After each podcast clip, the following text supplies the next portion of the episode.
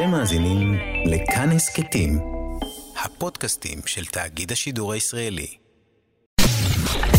אתן מאזינות ואתם מאזינים לכאן הסכתים. כאן הסכתים, הפודקאסטים של תאגיד השידור הישראלי.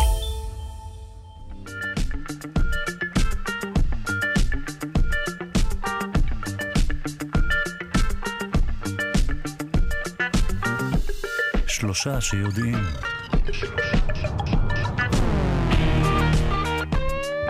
בוקר טוב למאזיני שלושה שיודעים, מגזין המדע והידע של כאן תרבות.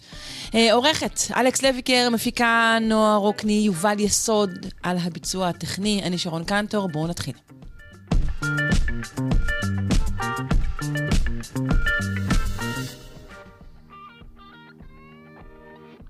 מה עושים העצים? צומחים, ומה הבתים עושים? עומדים, והעננים נוסעים, נוסעים, והקוצים עושים שריפות. או, בדיוק, הקוצים עושים שריפות. יפה, אנחנו עם uh, שאלת מאזין, והבוקר עם uh, שאלה של המאזין אדם יקין, אני מקווה שאני הוגה את שמך כהלכה, והוא כותב לנו כך: שלום, הייתי שמח לשמוע על תגובות של צמחים לעשן ולאש ועשן. האם יש צמחים שמגיבים לעשן? שיש להם דרכים כימיות להתגונן מאש, כמו אה, חומרים מעכבי בעירה שהם מפתחים, או הגברת הנוזלים בעלים? מה ידוע על זה? אה, כך הוא שואל. שאלה מצוינת, אה, ונפנה לביולוגית ורד שפירא, שתצליח אולי לענות עליה. שלום, בוקר טוב. שלום, שלום. אה, קודם כל באמת שאלה מצוינת, ממש מה עושים העצים והקוצים עושים שריפות, אז בואו נראה מה קורה עכשיו. ו... ונגיד ש... שאש זה לא, זה לא איזה משהו חדש. זה משהו שנמצא כאן כבר הרבה מאוד זמן, משהו שהיה כאן עוד uh, מהרגע שהיה מה לשרוף, הייתה אש, ו- ו- וצמחים מתמודדים עם הדבר הזה שמגיע פעם בכמה זמן וקורה. עכשיו, זה מתחלק, התשובה מתחלקת לכמה חלקים. כי קודם כל, אמ, אה, איך הם מתמודדים עם הדבר הזה שקורה, איך צמחים שנמצאים כאן כבר מיליוני שנים מתמודדים עם הדבר הזה שנקרא אש, וקורה מדי פעם. אז יצורים חיים לא אוהבים אש. אש היא בעייתית כי יצורים חיים מכילים מים, והבסיס לחיים הוא מים שנמצאים בתאים, ואש פחות מסתדרת עם מים בגלל שהיא גורמת לחימום, לחימום יתר, לדנטורציה של חלבונים, בעצם לבישול של הצמח, לאידוי של המים. כלומר, זה לא שהמים שבתוכנו יכבו את האש. לא, לא, לא. אבל לא, המים לא. האלה מתחממים באש שהטמפרטורה שלה כל כך גבוהה והתאים נפגעים, ובעצם היצור החי לא מסוגל לעמוד באש שמגיעה בפתאומיות. עכשיו, גם אה, שואל המאזין בשאלה הנהדרת שלו, איך הם מתמודדים, האם הם מגבירים את כמות המים בעלים. עכשיו, התשובה היא לא, כי אתה לא יכול לארגן תגובה כל כך מהירה למשהו שמגיע בפתאומיות ומגיע בצורה כל כך מהירה, אז המנגנונים הם לא מין כאלה של, אוקיי, הנה אני רואה אש, עכשיו אני הולך להגיב, אלא מדובר במנגנונים שהם יותר ארוכי טווח, יותר כאלה של הגעתי מוכן לאירוע, אה, זה דברים כאלה. אז צמחים בהחלט, אה, יש להם כל מיני עמידויות בפני אה, אש, בפני שריפות. ואולי העמידות הכי פשוטה והכי מובנת מאליה זה צמחים שמכילים בתוכם הרבה מאוד מים, כמו סקולנטים למשל, וכאלה שיש להם אה, אה, עלים מעובים עם הרבה מים בתוכם, שהם מחזיקים אותם בתוכם, ואש שחולפת בצורה מאוד מאוד אה, מהירה על פני השטח הזה, לא, לא תחסל אותם, כי יש שם מספיק מים ומספיק צמח שמוגן בתוך הסביבה הזאת שהיא עמידה. אה, אז רגע, למה זה לא תקף על בעלי חיים, שגם בתוכם יש הרבה מאוד מים כידוע? אה, כי אנחנו צריכים לנשום. וש, ושם אה, מתחילות הבעיות. עם זה, הבנתי. אופה, כן, אוקיי, יש את העניין הזה של הלנשום, ואז אנחנו בבעיה. נכון. עכשיו, גם, אצל צמחים יש את הבעיה של, של uh, חילוף גזים, והאש שמביאה איתה איזשהו שינוי באטמוספירה, אבל לפני זה נדבר באמת על, על העמידות הזאת של המבנה, ויש צמחים למשל שיש להם גזעים מאוד מאוד טובים, כמו סקויות, אותם עצים ענקיים שיש להם גזע, החלק החיצוני של הגזע הוא מאוד מאוד עבה, והם לא רק שהם עמידים בפני שרפות, הם יכולים להמשיך ולצלוח אחרי שמגיעה השרפה, והם בסדר עם זה. זאת אומרת, כשאתה... כלומר. לעתים השכבות החיצוניות, החיפוי של העץ יכול להיפגע, החלשת שלו, הליבה אה, נכון. נשארת בלתי פגועה? אוקיי. נכון, בגלל, בגלל שהחלק החיצוני הוא מאוד מאוד עבה. והחלק okay. אוקיי. החיצוני הוא פחות חשוב לתפקוד של העץ. וגם החלק, החלק של הגזע, החלק התחתון של הגזע, אין עליו המון ענפים, כך שהאש לא יכולה לטפס במהירות כלפי מעלה ולחסל את אה, חופת העץ, את החלק הירוק והחי והנושם של העץ. אז יש כאן עניין של מבנה שבהחלט מגן על העץ, ותכולת מים שמגינה על הצמח, וכאן באמת אנחנו, אה, אה, זה, החלק שמגן על עצים לאורך זמן ומאפשר להם לעמוד בפני שרפות. יש את האסכולה השנייה, שזה אסכולה של צמחים שבכלל האש היא טובה להם, והיא חלק ממנגנון ההישרדות של המין וחלק מהאסטרטגיה שלהם להתפשטות ולהשתלטות על היער, כמו למשל עצי אורן, שאנחנו מכירים אותם, ואנחנו מכירים מאוד טוב שרפות ביערות אורנים.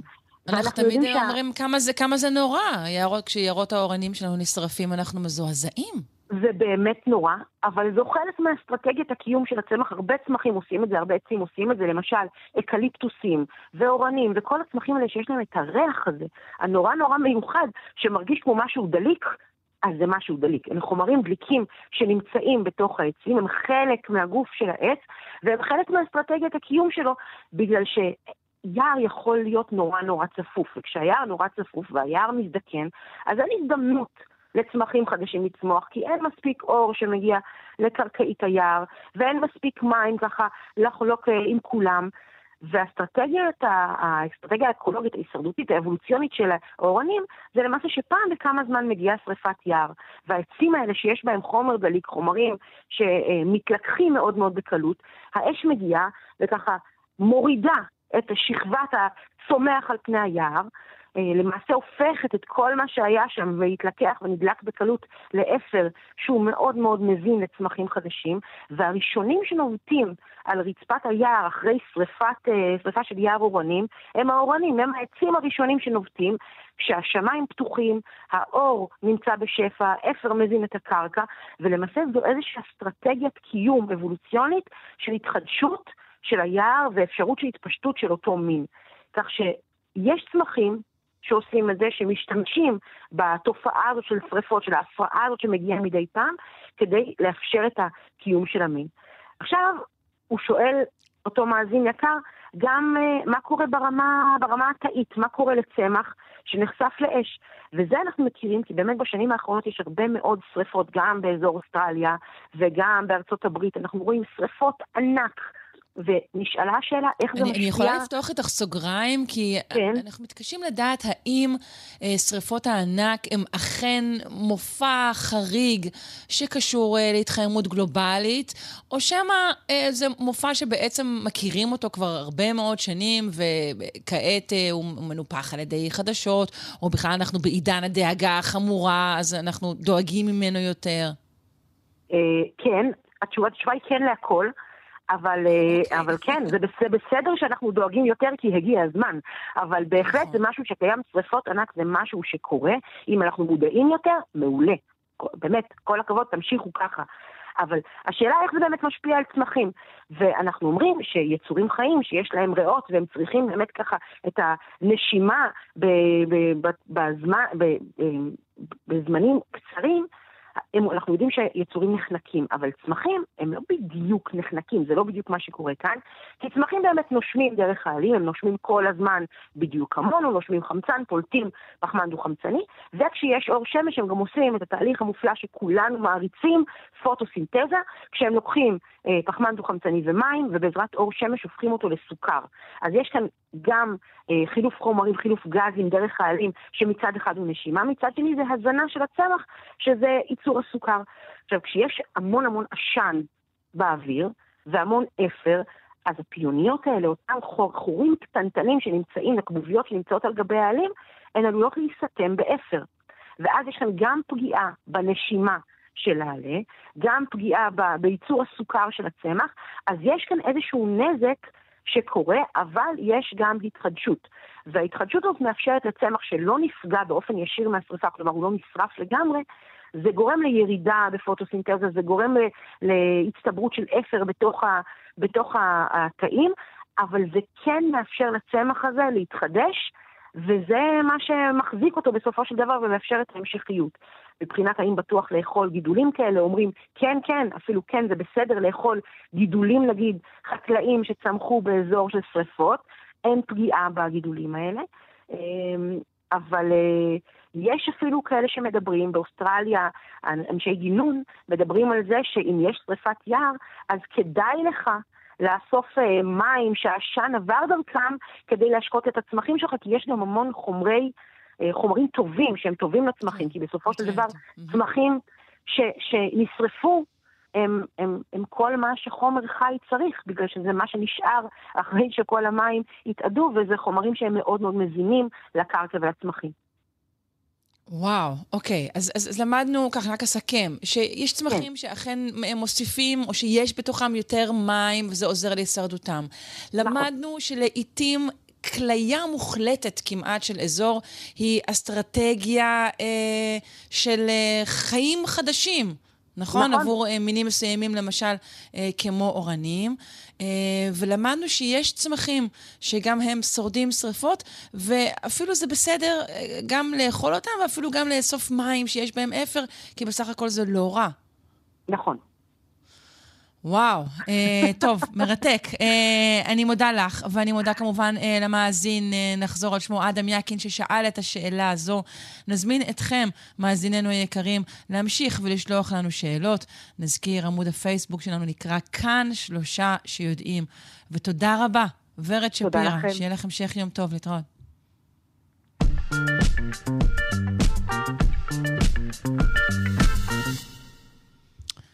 חברים, כולנו עושים את זה. אה, גם גברים וגם נשים, ילדות, ילדים, גם כשאנחנו לא מודעים לכך. אה, למעשה, אנחנו עושים את זה בין 10 ל-20 פעמים בדקה.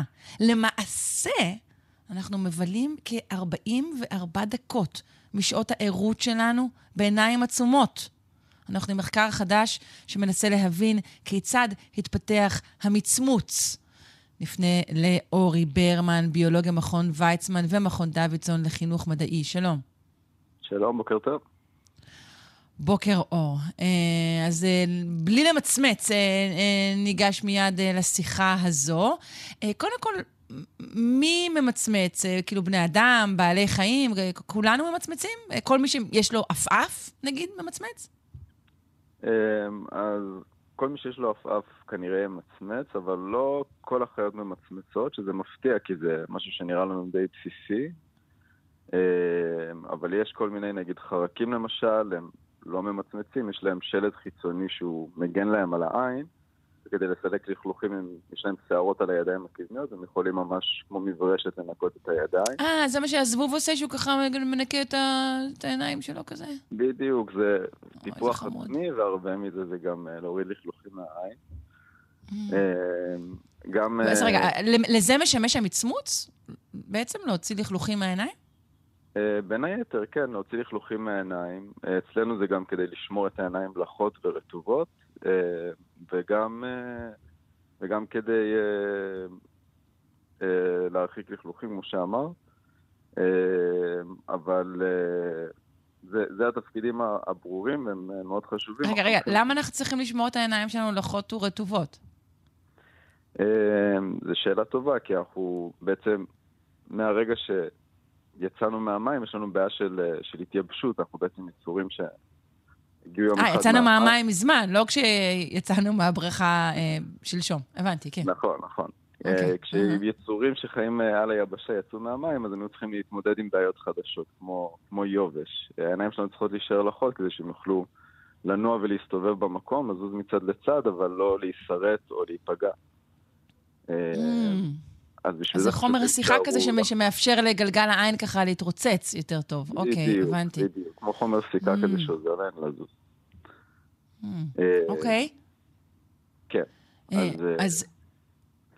אז בעצם אה, לנו המצמוץ חשוב, אבל נגיד רוב הדגים בכלל לא ממצמצים. הם חיים במים, הם לא צריכים לנקות את העיניים כי יש זרימת מים שמנקה להם אותה לבד, ולרוב הדגים אין, אה, אין עפעפיים והם לא ממצמצים. אז רגע, העפעף התפתח בגלל הצורך אה, לשמור על העין לך, ולא ההפך. כנראה. אה, אני מסיקה ממה שאמרת עכשיו, אוקיי. כן, כן. תראי, אין לנו, אנחנו לא ממש יודעים, זה די קשה לחקור את העניין הזה, כי העפעפיים לא נשמרות יותר מדי טוב ברקורד של המאובנים. אז אנחנו לא יכולים להגיד, פה התחיל המצמוץ וזה ממש הסיבה, אבל זה התיאוריה שרווחת mm. בתחום היום, זה מה שאנחנו חושבים שקרה. אוקיי, okay. אז בואו באמת נגיע אה, למחקר האחרון. אה, חוקרים ביקשו להבין איך התפתח המצמוץ. אה, מה או את מי הם חקרו בשביל זה? אז הם אמרו, טוב, מאובנים לא כל כך עובד לנו, אז בואו ננסה למצוא איזשהו בעל חיים שהוא נמצא בין היבשה למים, ובשביל זה הם הלכו לדג היבשתן. זה דג שחי באזורים של גאות ושפל.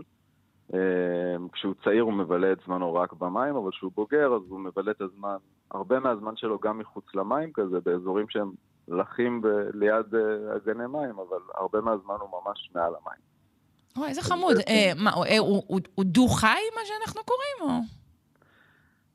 או לא בדיוק? הוא קצת לפני דו-חי, כי הוא לא ממש יכול להתנתק לגמרי מהמים, הוא כן נמצא באזורים מאוד לחים ומימיים, אבל, אבל הוא כן סוג של דו-חי כמעט, כאילו... איך נראה יבשתן זה? כאילו אם אני רואה אותו ככה ברחוב ואני אומרת לו, היי, אתה דג? הוא נראה כמו דג, הוא נראה כמו דג, את לא, הוא לא נראה כמו צפרדע או משהו כזה, הוא שמר ממש okay. אוקיי. על מאפיינים של דג, יש לו סנפיר, יש לו זה, אבל הוא כאילו מין יודע גם לזחול על הגחון שלו באזורים כאלה לחים ולעבור בין בריכות אידוי לבריכות אידוי, או להיות די הרבה זמן מחוץ למים. אה, ויש לו מין שתי עיניים כאלה שבמקום לצדדים כמו רוב הדגים, הן עולות כלפי מעלה, מעל הגוף שלו, מעל, ה, מעל הגב, ואז הוא, הוא יכול לראות למעלה בעצם. רגע, רגע. הן עולות, זאת אומרת, כאילו, יש זמן שבו הן עולות, או שכל הזמן הן נמצאות כזה, כאילו בולטות קצת למעלה? אז כאילו. כל הזמן הן אה, בולטות קצת למעלה, אבל, mm-hmm. אבל הוא צריך כן לפתור את הבעיות שאנחנו היינו צריכים לפתור, שבעלי חיים אחרים היו צריכים לפתור כשהם יצאו מהמים, של איך אני שומר את העין אה, נקייה מלכלוכים ואיך אני שומר אותה לחה, כי היא יכולה להתייבש כשהוא נמצא כל כך הרבה זמן מחוץ למים. כן, אז, אז היבשתן הוא באמת אה, אה, בעל חיים טוב לחקור את הדבר הזה. נכון. ומה גילו? הוא ממצמץ? אז אה, כן, הוא יודע לסוג של למצמץ. אין לו עפעפיים, אה, כמו רוב הדגים, אבל אה, יש לו מין מנגנון ממש מגניב כזה, שהוא יודע לקחת את העיניים האלה שבולטות למעלה ולמשוך אותם כזה לתוך הגוף שלו. אה, וככה שהוא מושך אותן לתוך הגוף, הן מתכסות בעצם, האור שנמצא לו על הגב נדחק הצידה, מכסה את כל העין, וזה כמו מצמוץ בעצם בלי עפעפיים. הוא מכניס את העיניים פנימה במקום לכסות את העיניים אה, מבחוץ. זה ממש אה, מרגיש כמו מנגנון מצמוץ קדום כזה, לפני שהתפתחו לו איברים מיוחדים. הוא יש לו, יש לו בכלל בלוטת דמעות, למשל? מהיבשתן? לא. אין לו, אין לו בלוטת דמעות בכלל, ובאמת החוקרים רצו לראות אם המנגנון מצמוץ המיוחד הזה, אם הוא באמת משמש לאותם דברים שאנחנו חושבים שהוא משמש, כי הם לא יודעים את זה בוודאות, אז הם אה, שמו אותו במכל מים אה, בתנאים מאוד יבשים, הם הזרימו לו הרבה אוויר כדי לייבש לו את העיניים. והם ראו שכשהם הזרימו הרבה אוויר זה גרם לו למצמץ הרבה יותר, אז הם הבינו שזה באמת עוזר לו לשמור על העין שלו לחה. Mm-hmm. וזה גם גרם לו לעשות עוד משהו כזה, די חמוד הוא כזה, כדי לשמוט עין עוד יותר לחג, שממש ייבשו לו אותה אה, בגלל זרימת אוויר, אז ממש התגלגל על הגב שלו כדי עוד יותר, הוא הרי נמצא תמיד בסביבה עם קצת מים, כדי עוד יותר להגיע להם על המים שנמצאים על הבטן שלו, ועוד יותר להרטיב את העיניים. אז הוא מתהפך ממש... כזה על הגב, ואז הוא מכניס את העיניים פנימה? כן. אוי, איזה טיפוס, וואו, היבשתן. אמ, תגיד, אה, אני, יש אצלנו גם כאילו מצמוץ כזה, נכון? רפלקסיבי, כשמישהו מרגיז, מקרב את היד שלו לעין שלנו, נכון? בדקו נכון. גם את זה, את התגובה הזו? בדקו גם את זה. אה, ממש הציקו ליבשתן המסכן הזה, אבל... אה, ממש. אז uh, לקחו מין מטוש כזה עדין שלא יפגע לו בעין חס וחלילה, ודחפו לו אותו לכיוון העין, וממש ראו שכמו שאנחנו, מין, כשמציקים לנו בעיניים, אנחנו לא רק, זה לא ממש מצמוץ, אנחנו ממש עוצמים את העין לזמן יותר ארוך, הוא בדיוק עושה אותו דבר, הוא מכניס את העין שלו וסוגר אותה יותר זמן. אז ממש תגובה שמזכירה את התגובה ש, שלי ושלך תהיה אם מישהו יכניס לנו משהו לעין. וואו, אז רגע, אנחנו, מה, מה בעצם אנחנו יכולים ללמוד מזה על התפתחות המצמוץ אצלנו, בני האדם? אז אנחנו יכולים להבין פה שהיה, ברגע שהדג הראשון אה, יצא מהמים, היה לו איזשהו צורך להתמודד עם הבעיות האלה שאנחנו התמודדנו איתן, מפני יובש, עם לכלוכים שנכנסים לעין ואין מים שינקו אותם. אה, והיבשתן היה צריך לעשות את אותו דבר, אבל עפפיים זה דבר שאבולוציונית הוא לא מהיום למחר אני מפתח איבר מיוחד שעושה את כל הדברים האלה, אני צריך פתרון מהיר. ופה יש לנו פתרון מהיר לכל הבעיות שנוצרות שאנחנו יוצאים מהמים. הוא כשהם הסתכלו נגיד בסיטי והשוו את המערכת עין שלו למערכת עין של דג רגיל, אין פה שום איבר חדש שהתפתח. הדבר היחיד שקרה זה שיש איזו מערכת של שישה שרירים מסביב לעין, היא שינתה את הכיוון שלה כדי שהוא יוכל למשוך את העין פנימה, משהו שאין לדגים שחיים כל הזמן מתחת למים. אז זה פתרון נורא מהיר, סידור חדש של השרירים, מבחינה אבולוציונית זה יכול לקרות יחסית בסדרי זמן אבולוציוני מהר. כן. אה, אפשר לפתח מנגנון מצמוץ ולפתור את הבעיות. אה, כן, אני מדמיינת אותנו בכל פעם שאנחנו מצמצים, נשכבים על הגב, מכניסים את העיניים אל תוך הראש, זה היה יכול לקחת אה, די הרבה זמן וגם להיראות אקזוטי. אמ, תגיד, נכון, אומרים שכשאנחנו עייפים אנחנו ממצמצים יותר. זו, זו תולדה של, של יתר יובש אה, בעיניים, או שיש גם גורמים נפשיים, נגיד, שמשליכים על תדירות המצמוץ? אז uh, זו שאלה טובה. קודם כל, uh, המצמוץ זה גם איזושהי uh, מנוחה למוח, מנוחה מנטלית. אז כשאנחנו עייפים זה גם יכול להיות בשביל לתת למוח רגע לנוח ולאבד פחות מידע. נגיד אם אנחנו רואים סרט, אז אנחנו לא נמצמץ בחלקים הכי חשובים שלו כדי לא לאבד מידע, אבל כן ניתן למוח... באמת? אנחנו לא ממצמצים בחלקים החשובים? אנחנו ממצמצים הרבה פחות, כן. אה. אוקיי, זאת אומרת שכשאנחנו okay. דרוכים בכלל, לא רק בשעת סרט, אנחנו ממצמצים פחות. כלומר, הביטוי לא למצמץ הוא, הוא, הוא, לא, הוא, לא, סתם, אה, הוא לא סתם בעלמא. הוא קשור לא, באמת לא. לפיזיות שלנו. במצב של דריכות אנחנו לא ממצמצים. אנחנו לא רוצים לאבד מידע חזותי חשוב, אז אנחנו, זה לפחות ההשערה. אז אנחנו mm, okay. אוקיי. uh, ממצמצים פחות. כשאנחנו קוראים משהו, אז אנחנו ניטה למצמץ נגיד בסוף uh, שורה או בסוף פסקה, נמצמץ יותר ולא בזמן שאנחנו קוראים. וואו, אה, זה ממש... Okay. אוקיי. המוח צריך להשלים בסוף, את לא רואה לרגע, אז הוא עושה השלמות, אבל את מאבדת מידע. Hmm, מעניין. כן. ויש עוד איזה מין דבר, נגיד, שאומרים אמ, שכדי להרגיע חתול, אני לא יודעת אם אני מביאה כאן אולי מידע אקזוטי, אמ, צריך למצמץ מולו באיטיות ובביטחון.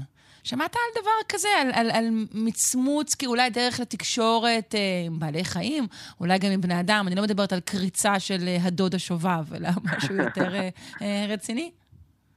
אה, כן, לגמרי, יש אה, הרבה מאוד סאבטקסט מצמוץ. אני לא מכיר את הדוגמה של החתול, זה מעניין, אבל אני כן, יצא לי להסתכל במאמר שהם הראו שבן אדם שמדבר, אם אתה תמצמץ מולו יותר ממה שאתה ממצמץ בדרך כלל, הוא דווקא הרבה פעמים ייטה לתת תשובות אה, יותר קצרות ופחות מעמיקות, הוא כאילו מרגיש שאתה פחות מקשיב לו דווקא, בין בני אדם.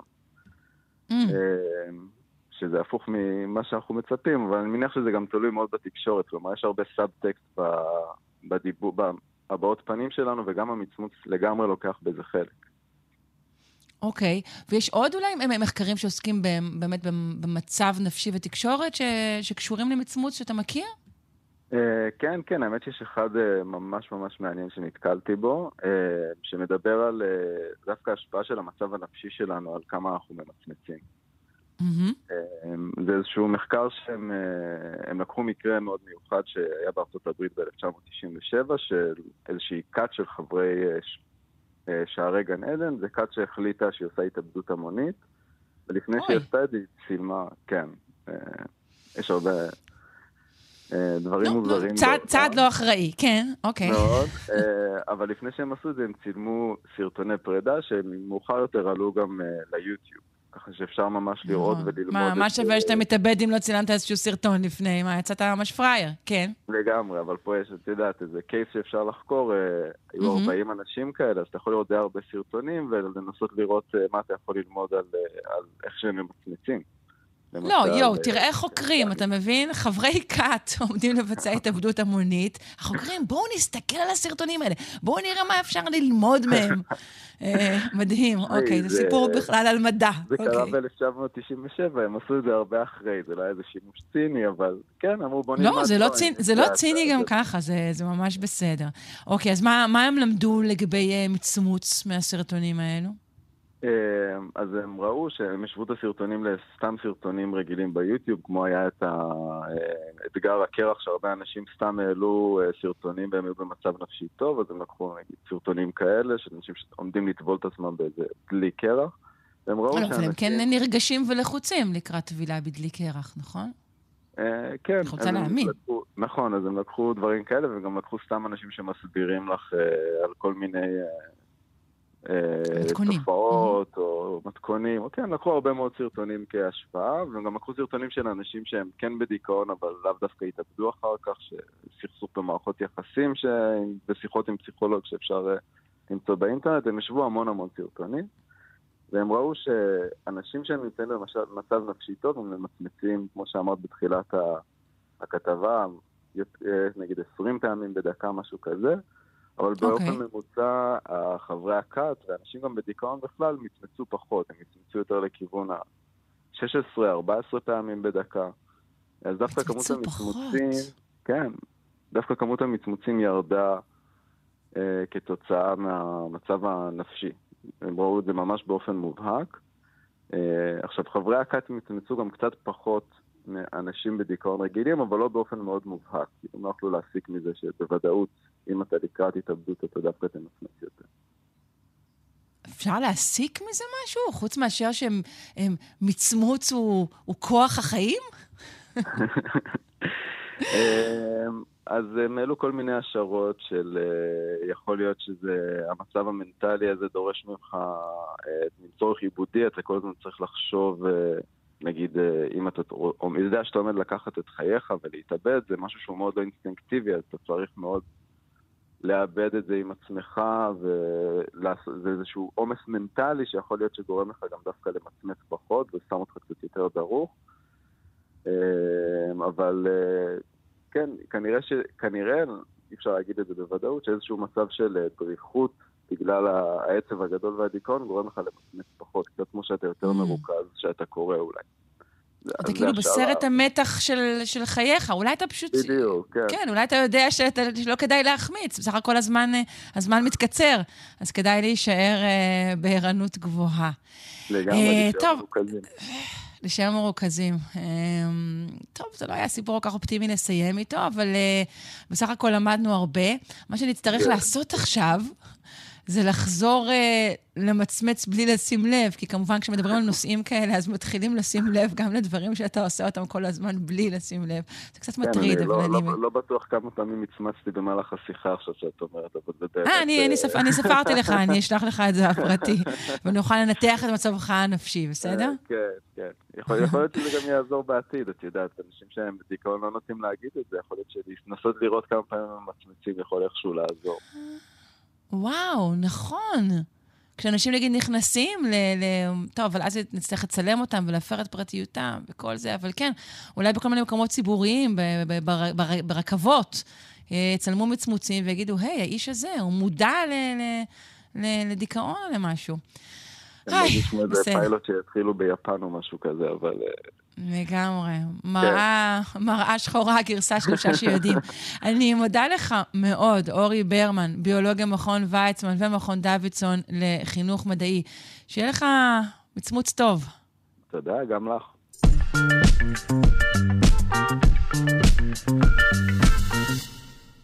אנחנו יודעים אה, שבשעה זו, לעתים אה, ההאזנה לשלושה שיודעים, היא האזנה של אה, המשפחה כולה, בעודם צווחים זה על זה, צריך לצאת! בית ספר מתחיל!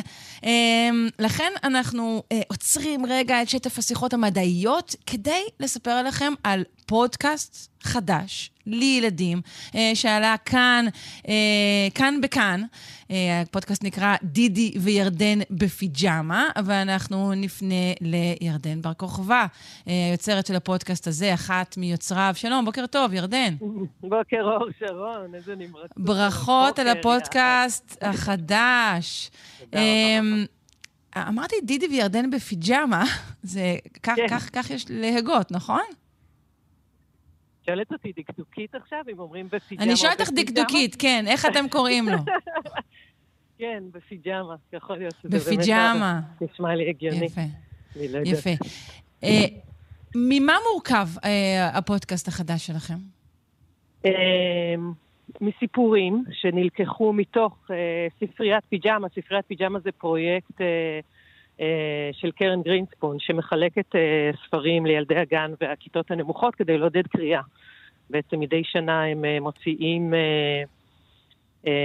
אני לא יודעת, כעשרות ספרים, ומחלקים כן, אותם. כן, זה פרו, פרויקט מבורך. זה פרויקט נהדר, mm-hmm, ויש שם... כן. נשים נפלאות שבחרו את מיטב הספרות העברית. הרבה מהספרים שהן מוציאות הם ספרים ישראלים מקומיים, ואנחנו יצרנו איתם שיתוף פעולה, ובעצם בחרנו מתוך המאגר המופלא שלהם uh, סיפורים וסידרנו אותם לפי נושאים, ערכנו אותם בעצם לפי נושאים שהם מעולם הילדים. הוספנו לזה את השירים הנפלאים של uh, דידי בעיטור המוזיקלי של טל בן חרוביץ', שעובד איתנו mm-hmm, כבר שנים. Mm-hmm. ובעצם יצרנו פרקים כאלה, שכל פרק עוסק באיזשהו נושא. יש בו גם... תני דוגמה, תני דוגמה לנושא. השבוע עלה הפרק אה, רעיון נהדר. פרק על רעיונות, איך אפשר לקחת mm. משהו ולהפוך אותו למשהו אחר. הנה, היום השיחה שלך אה, פתחתם עם השריפות, נכון? שהופכות כן. לקומפוסט. כן. אז mm-hmm. זה, יש שם סיפור מקסים של שלושה גמדים פטפטו. הם נמצאים על פטריה, אבל הם רוצים לצאת לדרך, אז הם הופכים את הפטריה למשהו אחר, לסירה, והסירה אחר כך הופכת להר, mm. וההר הופך ל... שהילדים עושים כן, את זה כל הזמן. כן, זה סיפור על, על יזמות, זה נכון, בוודאי.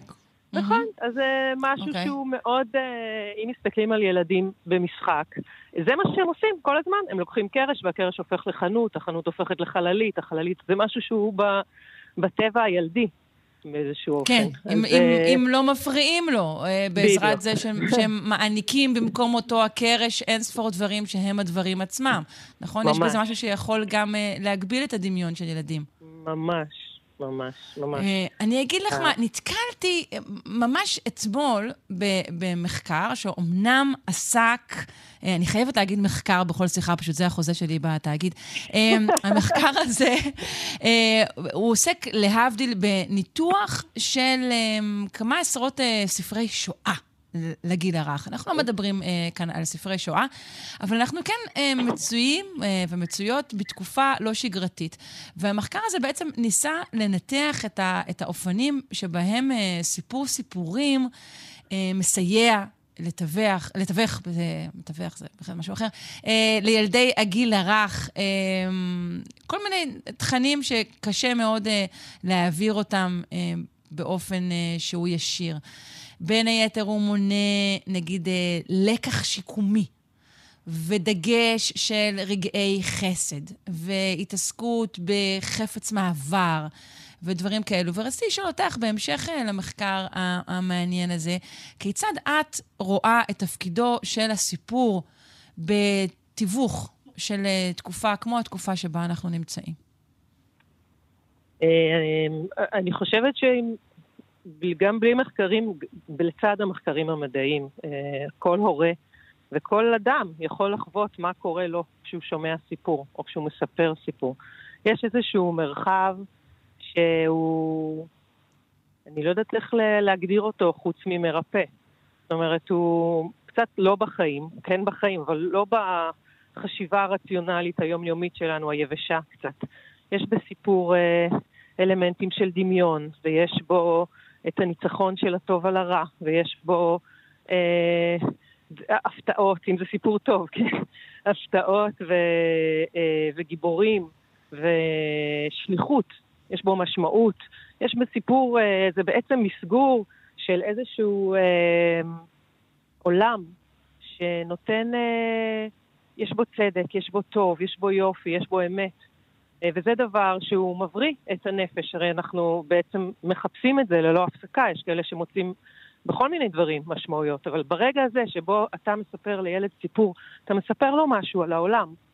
גם אם זה לא ישירות על נושאים קשים, גם אם אתה לא, לאו דווקא כן. מתווך mm-hmm. באותו רגע, כן? גם בזהבה ושלושת הדובים יש איזשהו סיפור על העולם. אפילו הייתי אומרת אה, במיוחד אם אתה לא מספר לו את זה באופן ישיר. אני ממש. חושבת שהספרות הילדים אה, נוטה יותר ויותר לישירות. מה חסר נכון. לנו כרגע על המדף? חסר לנו על המדף סיפור על ילד שלא אוהב לאכול X, ששני הוריו הם Y, שזה, ממש. וכך יוצרים אה, ספרים בהזמנה. אני אישית נרתעת מאוד מספרות מהסוג הזה. אני חושבת שאנחנו צריכים לעבור למישורים שהם, נכון, יותר סמליים או עוסקים במעמקי הנפש. הנפש. נכון, נכון מאוד, כי אנחנו מרגישים את זה, זה, זה בתחושה ישירה, אפילו לא רק רציונלית, אתה מרגיש בתחושה ישירה שזה מייבש לך את הנשמה. זה מייבש את הנשמה כשהספר הוא על עידו שלא אהב לאכול ברוקולי. זאת אומרת, אוקיי, אז אה, מה... בסדר. כן. אפשר לעשות את זה. רגע, בואו ננחש מה יהיה בסוף. האם כן. הוא... נכון, יש לו שתי אפשרויות. או שהוא יאהב לאכול ברוקולי, אה, או שהוא ילמד אה, משהו על, על, על, על עצמו, לעומק, אה, ועל, ועל ברוקולי, נכון? זה תמיד הולך כן. לאחד משני הכיוונים האלו, לצערנו כן. הגדול. כן. אז, אז אנחנו באמת זכינו לעבוד עם טקסטים, עם טקסטים נפלאים של מיריק שניר ומירה מאיר, של... מיטב הכותבים, ירדן, מיטב הכותבים והכותבות. אני שכחתי את המילה אתגר, כן. אתגר קרת. רציתי להגיד אביתר קרת. השעה היא לא מיטיבה איתי. שכחתי את המילה אתגר. זה... זה אדם אה. שכנראה רחוק ממערכת החינוך. אמ, תגידי לי, לאילו גילאים מיועד הפודקאסט הזה? אה, אנחנו תוחמים אותו ב... אה, אני יודעת, ארבע עד תשע, אבל את יודעת, סיפור טוב, אנחנו מקבלים הרבה... אה, אה, אני רק, תני לי, אני מחכה שיקריאו כן. לי סיפורי ילדים, אני אוהבת הצגות ילדים, אני מנסה לגרור את הילדות של ילדותיי כמה שאפשר. אז זה כן. ארבע עד תשע באופן רשמי, אבל כאילו... זה כמו, באמת, כמו במונופול, זה היה 99. לא- בדיוק. אין לזה גיל. מצוין. אה, אז אנחנו אה, מדברים, שוב נזכיר, דידי וירדן בפיג'מה, אה, פודקאסט חדש, כאן, בכאן, חפשו אותו בכאן הסכתים. פודקאסט חדש עולה מדי יום חמישי, נכון? נכון מאוד.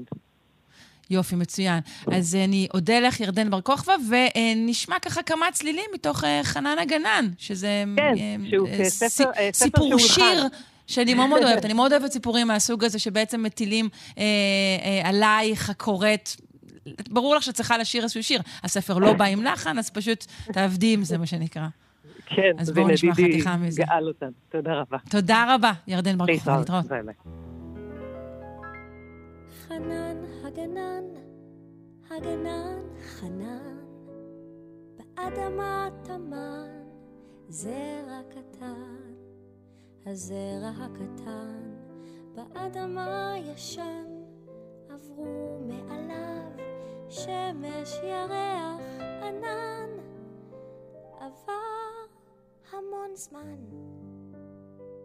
הזרע גדל ושמן עד שיום אחד נבט והיה לאילן.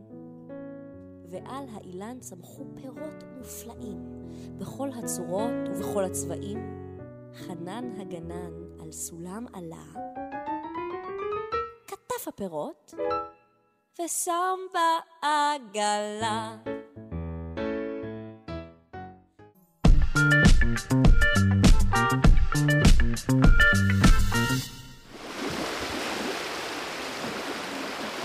אנחנו uh, כעת עם מחקר אופטימי, מקווים uh, שלא יגיעו תגובות נזעמות של uh, מאזינים. Uh, המחקר הזה מצביע על כך שכמות פסולת הפלסטיק במפרץ אילת נמוכה בהשוואה לשוניות אלמוגים באתרים דומים ברחבי העולם שנבדקו. אוקיי, אז זה לא בדיוק אופטימי, זה רק אופטימי יחסית. בסדר גמור. נפנה לדוקטור עדי לוי, ראש התוכנית לתואר שני בקיימות המרחב העירוני והכפרי במכללה האקדמית אחווה, וחבר הוועד המנהל באגודה הישראלית לאקולוגיה ולמדעי הסביבה. שלום, בוקר טוב. בוקר טוב. אה, של מי המחקר הזה? מי, מי ערך אותו ולאיזו תקופה הוא מתייחס?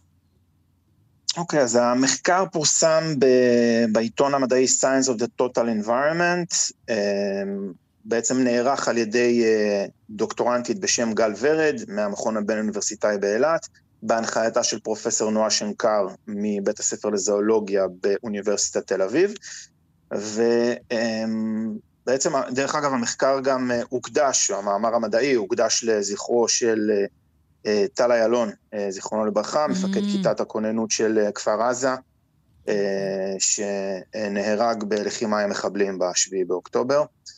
אה, יהי זכרו ברוך. ובעצם המחקר הזה אה, עוסק בכמה סוגים של זיהום פלסטיק באזור שונית האלמוגים. אה, קודם כל הם דגמו במספר נקודות במפרץ אילת. בעצם, אם אנחנו חושבים על, על זיהום פלסטיק ופסולת פלסטיק בכלל, אה, היינו מצפים אולי אה, אה, בעצם לחפש קודם כל את האזורים המאוכלסים ביותר, העמוסים ביותר, ולכן באמת הם, הנקודות, שתי הנקודות הראשונות היו אחת בחוף הצפוני, סמוך למלונות שקרובים יותר לגבול הירדני, השנייה ליד אזור הקניון, מול הים, גם בחופים העמוסים ביותר, השלישית בחוף קצא, שהוא חוף יחסית לא עמוס בין שני המזחים, והרביעית אה, ממש בדרום, ליד, אה, אה, בשטח שמורת הטבע, ליד גבול מצרים. Mm-hmm. כך שבעצם יש לנו פה מגוון של נקודות עם מאפיינים שונים וגם מאפייני שימוש שונים. אז זאת בהנחה שהפלסטיק מגיע מתיירים שעל החוף, נכון?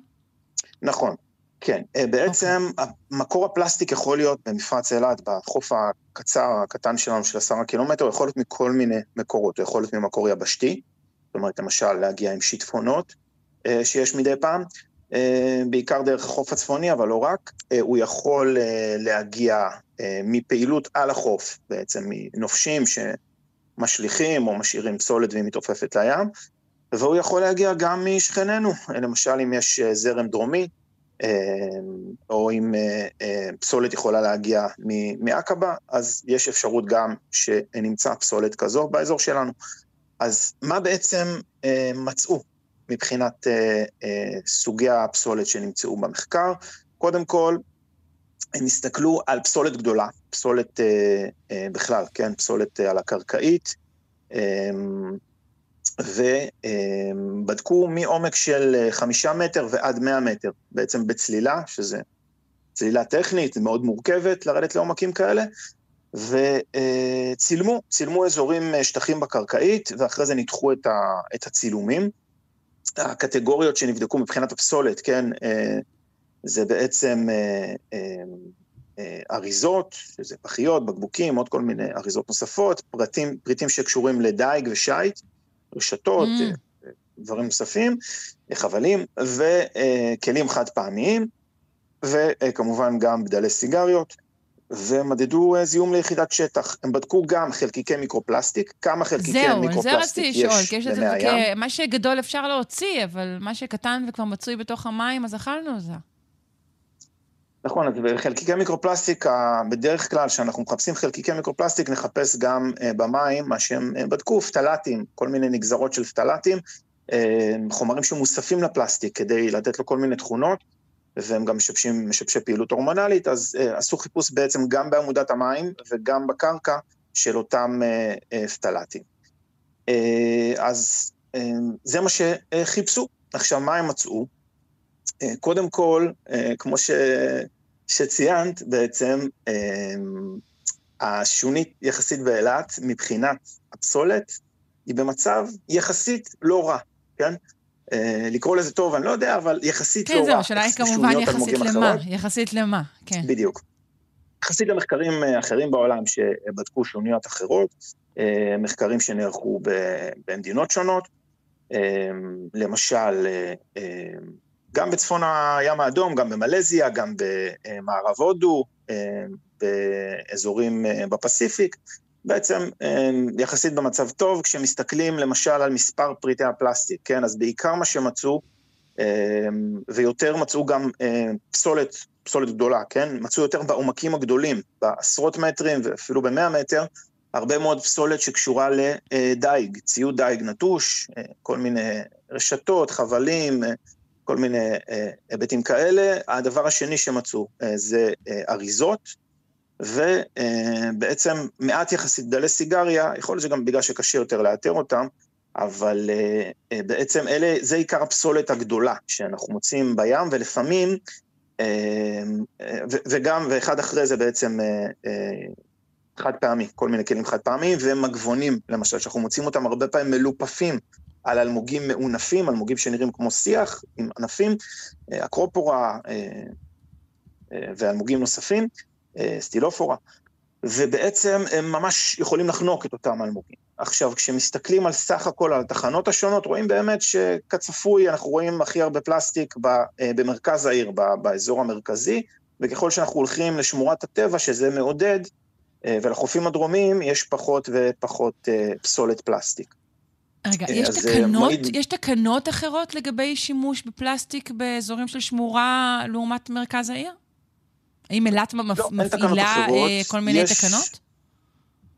אז רגע, אז יש כמות אחרת של מבקרים באזור, ויש גם הקפדה כן, אולי. ופיקוח יותר גדול, אבל באילת בעצם בשנים האחרונות uh, התחילו בפרויקט של חוף ללא פלסטיק, בעצם איסור של uh, מכירה uh, על שטח החוף של uh, כלים חד פעמיים, uh, במטרה שהם פשוט לא יעופו לים עם הרוח, כן, מגיעה רוח מצפון, יכולה להעיף uh, כל כוס ריקה, כל קשית, כל... Uh, צלחת חד פעמית אל תוך הים, אז uh, בוודאות יש לזה גם כמובן השפעה. Uh, כשאנחנו מסתכלים גם על מיקרו-פלסטיק, מיקרו-פלסטיק מצאו בעיקר סיבים, uh, חלקם uh, ללא צבע, חלקם uh, שחורים, וגם uh, בעיקר בחוף הצפוני וב, uh, וקרוב למרכז העיר, וככל הנראה המקור, uh, המקור העיקרי הוא, uh, מעבר לפסולת, הוא מאותם שיטפונות, שיטפונות שמגיעים מצפון, סוחפים איתם אה, אה, בעצם מהקרקע, בין השאר גם חלקיקי מיקרופלסטיק, אה, ובעצם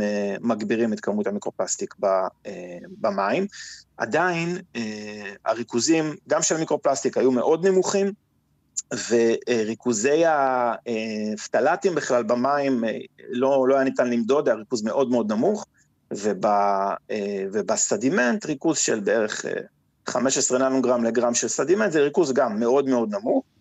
אה, סך הכל אה, פלסטיק, אה, מיקרופלסטיק מצאו בערך חצי חלקיק של מיקרופלסטיק, mm-hmm. כן, שמתחת לחמישה מילימטר, למטר, לקוב, לקוב מים. בעצם זה גם כמות יחסית נמוכה, אז בעצם המחקר הזה נותן לנו גם הסתכלות מרחבית על המפרץ, לעומק עמודת המים, השתמשו פה בשיטה מאוד מעניינת של איסוף אה, מיקרופלסטיק דרך אגב, השתמשו בגרירה של רשת על ידי צוללים, בדרך כלל גוררים רשת מסירה על פני המים, ומתוך זה אה, משליכים על מה אמור להיות ליד הריף. פה ממש גררו רשת בצלילה, שני צוללים משכו רשת שאוספת פלנקטון. זה מביא לתוצאות ו... מדויקות יותר, כי זה יותר קרוב לשונית עצמה? כן, והרשת הזאת אוספת אוקיי. פלנקטון וחלקיקי מיקרופלסטיק, וממש מה ש... חלק גדול מהמיקרופלסטיק צף בפני המים הרבה פעמים, אבל מה שרצו לראות זה באמת מה נמצא באינטראקציה עם השוניות. ולכן, אה, אז זה גם מאוד מעניין. והתוצאות הן אופטימיות בסך הכל, הן אומרות שאנחנו... אז הן אופטימיות, אני רק אה, רוצה, אני רוצה להגיד, לפני שכולנו כאילו חוגגים בלהוציא שרוול של כוסות פלסטיק, אה, להגיד שלפחות ב-2022 מצאתי סיכום של, של אביב לביא, איש הסביבה, ששוב, לא לגבי אילת ספציפית, אבל הוא אמר ש-90% מהפסולת בחופי הים בישראל בכלל היא פלסטיק, לעומת ממוצע של 75% בעולם. ו-38% מפסולת הפלסטיק הם כלים חד פעמיים, לעומת 22% בלבד בממוצע העולמי, וזאת אחרי שכבר שש עיריות, אה, ציינו את אילת, אבל גם אה, תל אביב, ואשדוד, וראשון, והרצליה, גם הם אה, אסרו. שימוש אה, בכלים חד פעמיים בחופים. אז אה, בואו בוא לא נחגוג. אה, עדיין אה, לא, אפשר לשפר, לא אבל זה בהחלט, אבל לא. זה כן מצביע, מצביע על, על שיפור. דרך אגב, מזרח ים תיכון סובל מזיהום מיקרופלסטיק מהגבוהים בעולם, אה, אז אין מה כן. לחגוג. אה, אבל מפרץ כן. אילת, אה, יש המון איומים על השונית, באמת, המון איומים, התחממות, החמצת מי האוקיינוס, זיהומים שמגיעים מהיבשה, משיטפונות, מכלובי דגים שהיו, ופעילויות נוספות של האדם. ובעצם, אה, והמון אה, תיירים וצוללים שגם יכולים לגרום כן. נזק אם הם לא נזהרים. אז יופי, אז אם שמרנו על, שמרנו על טון מודאג בסיום, זהו, הגענו לסיום השיחה, המחצית נגמרת, העיקר שגמרנו בטון מודאג, ונמשיך לפקוח עין. דוקטור עדי לוי, אני מודה לך מאוד. ביי, להתראות.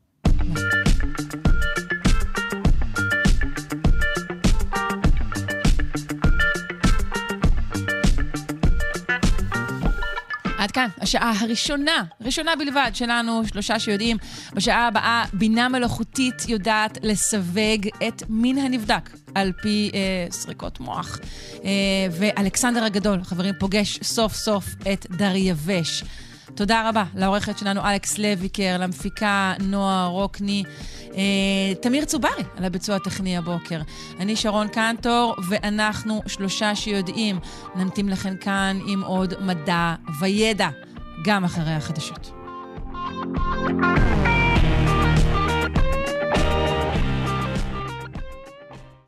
מחקר חדש בדק את ההתמודדות של אימהות עובדות עם המתח בין הבית לעבודה במלחמת חרבות ברזל. המחקר הזה מצא שלוש אסטרטגיות עיקריות, כלומר, הנה, גם לנשים יש אסטרטגיות, אה, שבהן נוקטות האימהות אה, כדי להתמודד עם המצב. נפנה לעורכת המחקר, הפרופסור ליאת קוליק, חוקרת ומומחית לחקר מערכת העבודה, משפחה ומגדר בבית הספר למדעי ההתנהגות, המכללה האקדמית נתניה, אה, וגם פרופסור אה, אמריטה באוניברסיטת בר אילן. שלום.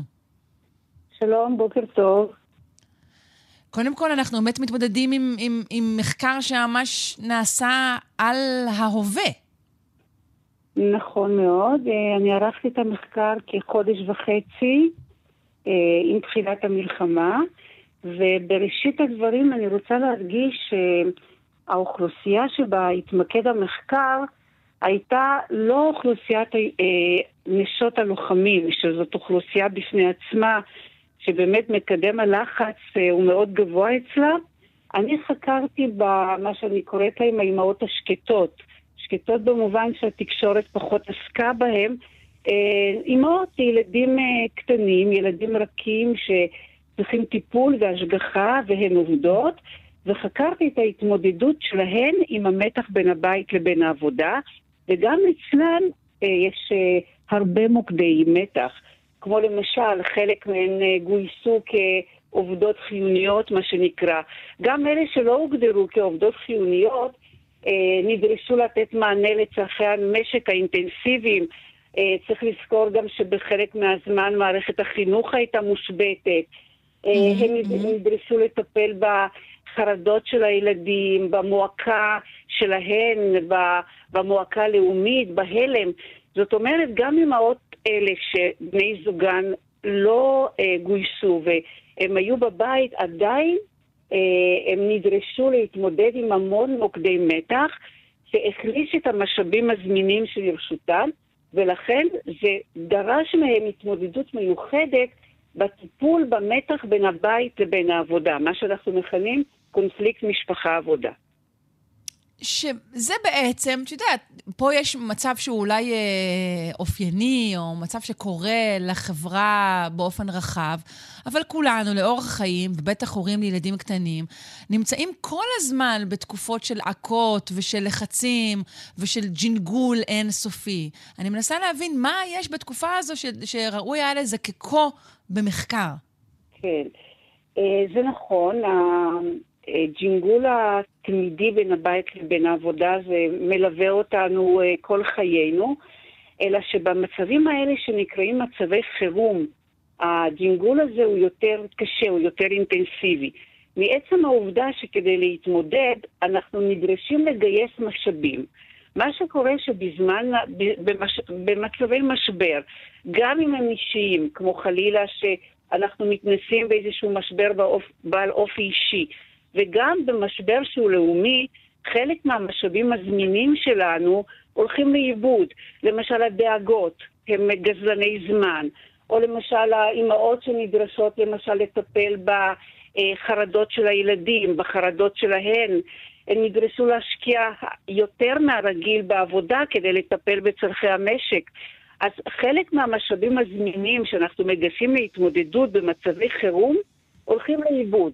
ומכיוון כן. שכך אנחנו צריכים לתת מענה למתח בין הבית לבין העבודה, עם מלאי משאבים קטן יותר, נמוך יותר. ומה שצריך כן. לזכור, ולא אני חקרתי, אבל יש סקרים שבוצעו, ב, שבוצעו בתקופה הזאת, שאימהות uh, היו מוחלשות לעומת גברים שעבדו. אני מתייחסת לאימהות שעבדו לעומת uh, אבות שעבדו. כמו למשל, הם למשל נעדרו יותר מהעבודה מאשר הגברים בזמן שמערכת החינוך הייתה מושבתת חלקית. Uh, הם למשל דיווחו על ריכוז נמוך יותר בעבודה. הם למשל דיווחו על תפוקות נמוכות יותר בעבודה מאשר גברים שנשארו לעבוד. רגע, הנתונים שכרגע השמעת לי, גם הם לא נוגעים אה, לאימהות שחיות עם אה, גברים שיצאו למילואים, אלא כן. בכלל האוכלוסייה. Mm, לא, מעניין. אני, אני okay. אוקיי. מתכוונת לכלל האוכלוסייה. ממצאי mm-hmm. הסקר שעכשיו ציינתי, הם ממצאי כן. סקר שבוצעו על ידי המכון הישראלי לדמוקרטיה, ומתייחסים בכלל לאימהות אה, אה, עובדות בזמן המלחמה, גם כשבני זוגם גייסו וגם כאלה שלא. זאת אומרת, כן. מה שאני מנסה לומר... לפני שניגש למחקר שלך עצמו, אני רוצה להשמיע פה איזה משהו שאולי הוא, הוא, הוא כפירה איומה. האם לא ייתכן מצב שבו כשאנו נדרשות ונדרשים אה, לעניינים ש, שהם בתחום הכלל, או שהרבה אנשים אה, חולקים אותם, למשל. האם אין שום מצב שבו זה אולי דווקא מסב חלק מתשומת ליבנו אה, מהצרות הפרטיות שלנו לצרות כוללות יותר? כלומר, לא ייתכן שום מצב, או אולי אפילו רבע של מצב, אומר, ש, שיש בזה גם איזושהי, אפילו הסחת דעת מצרות פרטיות ואולי אפילו הרגעה מסוימת? כן, את, את ממש קלט ללב הבעיה, כי מה שאני מצאתי במחקר, שאחת הטקטיקות, או שהתגבשה לידי אסטרטגיה שנשות המחקר שלי השתמשו בהן, זה באמת אותה תפיסה קוגניטיבית שלמעשה כולם בצרה. זה נתן איזושהי מעטפת של תמיכה. זה נכון. זאת אומרת, אם אנחנו מנסים ככה במרכאות למצוא איזשהו רווח, כן, קשה לקרוא לזה רווח, אה, בתקופות משבר כאלה, זה באמת התחושה שכולם חווים את אותה חוויה. במידה מסוימת זה מקל. אבל כמובן שכל הדברים שמסביב, האובדנים הרבים שמסביב שפוגעים במשאבים הזמינים, הם כנראה שמקשים על, על יכולת ההתמודדות. כן, כן, ואנחנו רק בעתיד גם אה, נדע כמובן אה, לכמת את ההשלכות נכון. על בריאות הציבור אה, נכון, שיהיו, נכון. בין אם זה בריאות פרופר ובין אם זה כל מיני ענייני משנה, אני יודעת כמה זה... כן, כן. עוד, עוד, עוד יהיו, כל, עוד יהיו כל, מיני, כל מיני גלים. אני בטוחה. כן, יש, יש באמת גלים ויש שלבים. עכשיו אנחנו בשלב שגרת המלחמה. אני עשיתי את המחקר בשלבים הראשוניים, והייתי רוצה קצת לספר על האסטרטגיות כן, שמצאתי. כן, כן, בהחלט. רק נציין שבדקת אה, כ-200 נשים נכון, עובדות, נכון? שנדע את, אה, את גודל המחקר. 200 נשים שנדגמו על ידי מכון המחקר אה, פאנלס, אה, ממאגר החברים של המכון. אה, מה שאני מצאתי, צריך לציין שהמשתתפות במחקר היו אימהות לילדים רכים עד גיל 12, בחרתי דווקא אותן כדי, כי המתח בין הבית לבין העבודה הוא רב יותר בקרב אימהות לילדים קטנים שנדרשים טיפול. מן הסתם. ומצאתי נכון. כמה אסטרטגיות, זאת אומרת, אה, הטקטיקות שבדקתי, הם התגבשו לידי אשכולות, ואשכולות הן אסטרטגיות, והאסטרטגיות היו אלה. חיפוש תמיכה, כמובן שבזמן משבר נוטים לחפש תמיכה כדי לעמוד בין המתח שבין העבודה לבין הבית. כלומר, היית אומרת ש... שיותר מקובל אולי גם לחפש תמיכה בעיתות כן, כאלו? כן, okay. אוקיי. כן, בו, בוודאי. אחת, ה, אחת האסטרטגיות זה באמת לחפש תמיכה. אני מצאתי שהשכיחות של השימוש באסטרטגיה הזאת בקרב המדגם הזה, של נשים, של, של אימהות שהן לא אה, נשות לוחמים, הייתה נמוכה ביותר. אחריה אה, הייתה אסטרטגיה אחרת שנקראת רה-ארגון. זאת אומרת, במסגרת האסטרטגיה הזאת נשים השתמשו בטקטיקות של אה, ארגון התפקידים מחדש, כמו למשל אלימינציה של חלקי תפקיד. מה שלא מוכרחים לעשות, לא מבצעים. או למשל אה, אה, מתן סדר עדיפויות, או למשל משא ומתן עם שותפי התפקיד. השימוש באסטרטגיה הזאת היה מתון, והאסטרטגיה שהיא אסטרטגיית הזהב, ככה אני קוראת לה, זאת אומרת האסטרטגיה המנצחת, שהשכיחות שלה הייתה מבחינת השימוש הגדול ביותר, הייתה אסטרטגיה של ניהול עצמי על מנת לשמור על שגרה. זאת אומרת, אני מצאתי שלא רק שנשים שאימצו את האסטרטגיה הזאת, שמירה על שגרה על ידי ניהול עצמי, תכף אני אפרט, אה, השכיחות שלה הייתה רבה ביותר, אבל היא גם נתנה את התוצאות הטובות ביותר מבחינת של מדדי רווחה נפשית, כמו למשל שמירת ערך עצמי בעבודה, מסוגלות בעבודה. זאת אומרת, האסטרטגיה המנצחת לפי המחקר הייתה אסטרטגיה של שימור השגרה. זה התבטא, במה, במה השתתפה האסטרטגיה הזאת? כמו למשל, לא לעגל פינות. אה, לאגור, למצוא, למצוא בתו, האנשים מצאו בתוכן אנרגיות, מאגרי אנרגיות אולי חבויות, ששמורות לעיתות משבר, אה, אה, נתנו את המענה גם לצורכי הבית, גם לצורכי העבודה. אה, זאת אסטרטגיה אבל אחת. אבל אנחנו אסטרטג... לא יודעות לומר מה יהיה המחיר של מה שקראת לו אסטרטגיית הזהב, שבעצם הוא שימוש במאגרי רזרבה נרחבים כן. כדי להמשיך שגרה. נכון? ייתכן ייתכן שיהיה לזה מחיר בעתיד, לא? ייתכן, ייתכן מאוד. כמו שאמרנו, יש גלים בתקופה שאנחנו נמצאים. בגל הספציפי, שזה היה תחילת המלחמה, אז הם השתמשו באותן אנרגיות, שזה מין חיסכון. יש להניח שבמשך הזמן, כמו שחיסכון בבנק אוזל, אם אנחנו עושים בו שימוש, אז גם אותן אנרגיות פיזיות ונפשיות אה, יפחתו.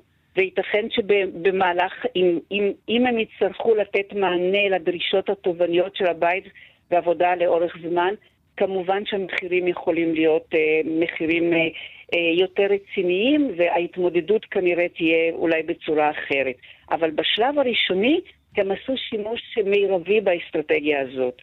אגב, האסטרטגיה הזאת זה, זה לא היה, לא התבטא רק בכך שהם אה, השתמשו באותן רזרבות של אנרגיות כדי לשמור על השגרה, אלא גם בכל מיני uh, קוגניציות, זאת אומרת, אה, גייסו קוגניציות, תפיסות שמקלות כמו אופטימיות, יהיה בסדר, כן?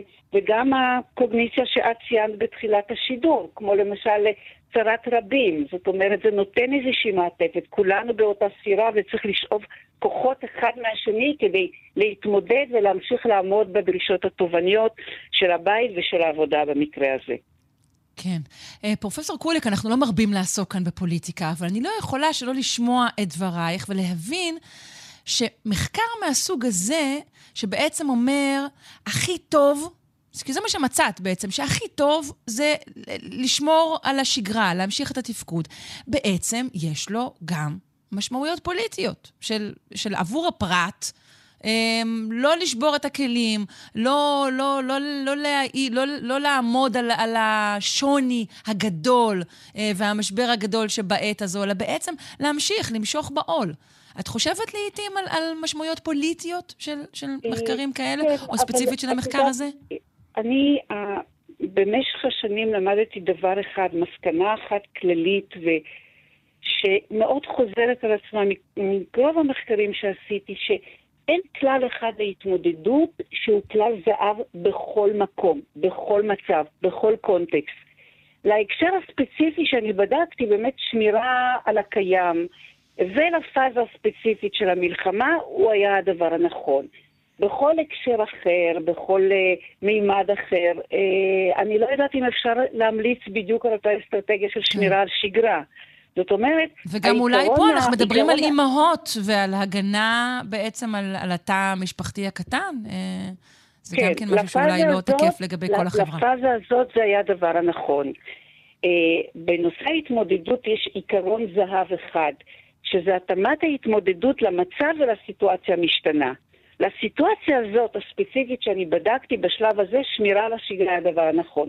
יכול להיות שבשלב אחר אה, תהיה התמודדות אחרת, בקונטקסט אחר, בתקופה אחרת, בשלב אחר של המלחמה, יכול להיות שטקטיקת הזהב תהיה אחרת, או אסטרטגיית ההתמודדות תהיה אחרת. זאת כן. אומרת, כלל הזהב בהתמודדות זה לקרוא את המפה ולהתאים את האסטרטגיה הספציפית למצב הספציפי. כלומר, בצורה מוכללת הייתי נזהרת. אנחנו נשמח לשוחח איתך אה, במחקרים הבאים, בעוד מספר חודשים, או אפילו שנים, אה, לשמוע בעצם, שוב, מחקרי המשך למחקר הזה.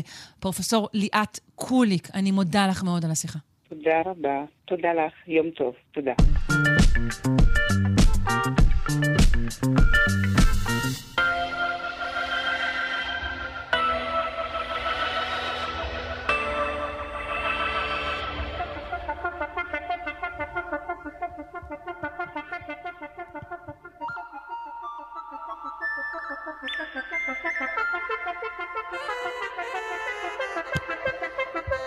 אנחנו כמובן עם מנפלאות המוח, פינתה של הדוקטור נועה אלבלדה עם מרכז סגול למוח ותודעה באוניברסיטת רייכמן. שלום. שלום, בוקר טוב. אנחנו עם אה, מחקר מעניין מאוד, נכון? חוקרים פיתחו בעצם מודל של בינה מלאכותית, והם טוענים שהוא יודע לסווג את מין הנבדק. או הנבדקת, אה, על פי אה, סריקות מוח, עם הצלחה של מעל ל-90 אחוזים, נכון? נכון. אז זה בעצם אה, באמת איזשהו מודל של AI, של בינה מלאכותית, ששפכו לתוכו המון המון המון סריקות מוח של נבדקים ונבדקות, ואמרו לו, זה מוח של אישה, זה מוח של גבר, זה מוח של אישה, זה מוח של גבר. והוא בעצם מתוך הסריקות האלה למד לזהות כל מיני דפוסים אה, מאוד מאוד עדינים שמבחינים בין מוחות של נשים וגברים, ואז בעצם כשהזינו לו עוד, עוד אה, סריקות, ולא אמרו לו פעם אם זה אישה או גבר, הוא היה צריך אה, לכאורה לנחש, אה, אז הוא באמת הצליח לעשות את זה באחוזי הצלחה גבוהים. אז שואלים אנחנו, מה הרבותא? אכן יש הבדלים באנטומיה של המוח אה, וגם בתפקוד המוח. יש, יש הבדלים בין נשים לבין גברים, נכון? זה, נכון. זה סוד? נכון, יש, יש הבדלי מוח בין uh, נשים לגברים, אני חושבת שזה משהו שאף אחד לא מתווכח עליו. העניין הוא שההבדלים האלה הם הבדלים שאנחנו בעין האנושית, ואפילו במחקרים קבוצתיים רגילים, אה, קשה לנו לתפוס אותם. בסדר, אני אגיד, אם, אם אני אציג בפנייך עכשיו מוח של אישה ומוח של גבר, הסיכוי שאת תצליחי רק על סמך זה שאת מסתכלת על המוח להגיד זה של אישה, זה של גבר, הוא כמעט אפסי. בסדר? זה, בסדר, זה לא... בסדר, אני לא יודעת אפילו יודעת, אני לא יודעת לזהות את האמיגדלה, כאילו, אני לא, אני לא דוגמה לשום דבר, אבל, אבל יכול להיות שמי שקצת מבין בזה. אז נגיד שאת תתני לי שני מוחות ותשאלי אותי, גם אני לא אצליח לעשות את זה, למרות שאני אה, חוקרת מוח. וגם כשעושים מחקרים, בעצם ההבדלים מתגלים כשאת עושה השוואה בין ממוצעים של קבוצות. בסדר? תיקחי המון המון מוחות של גברים והמון המון מוחות של נשים, ותעשי בממוצע כל מיני בדיקות, את תצליח למצוא הבדלים, ודרך אגב ההבדלים האלה הרבה פעמים הם לא עקביים, זאת אומרת, פעם כן מוצאים אותם, פעם לא מוצאים אותם. וכאן החידוש הגדול הוא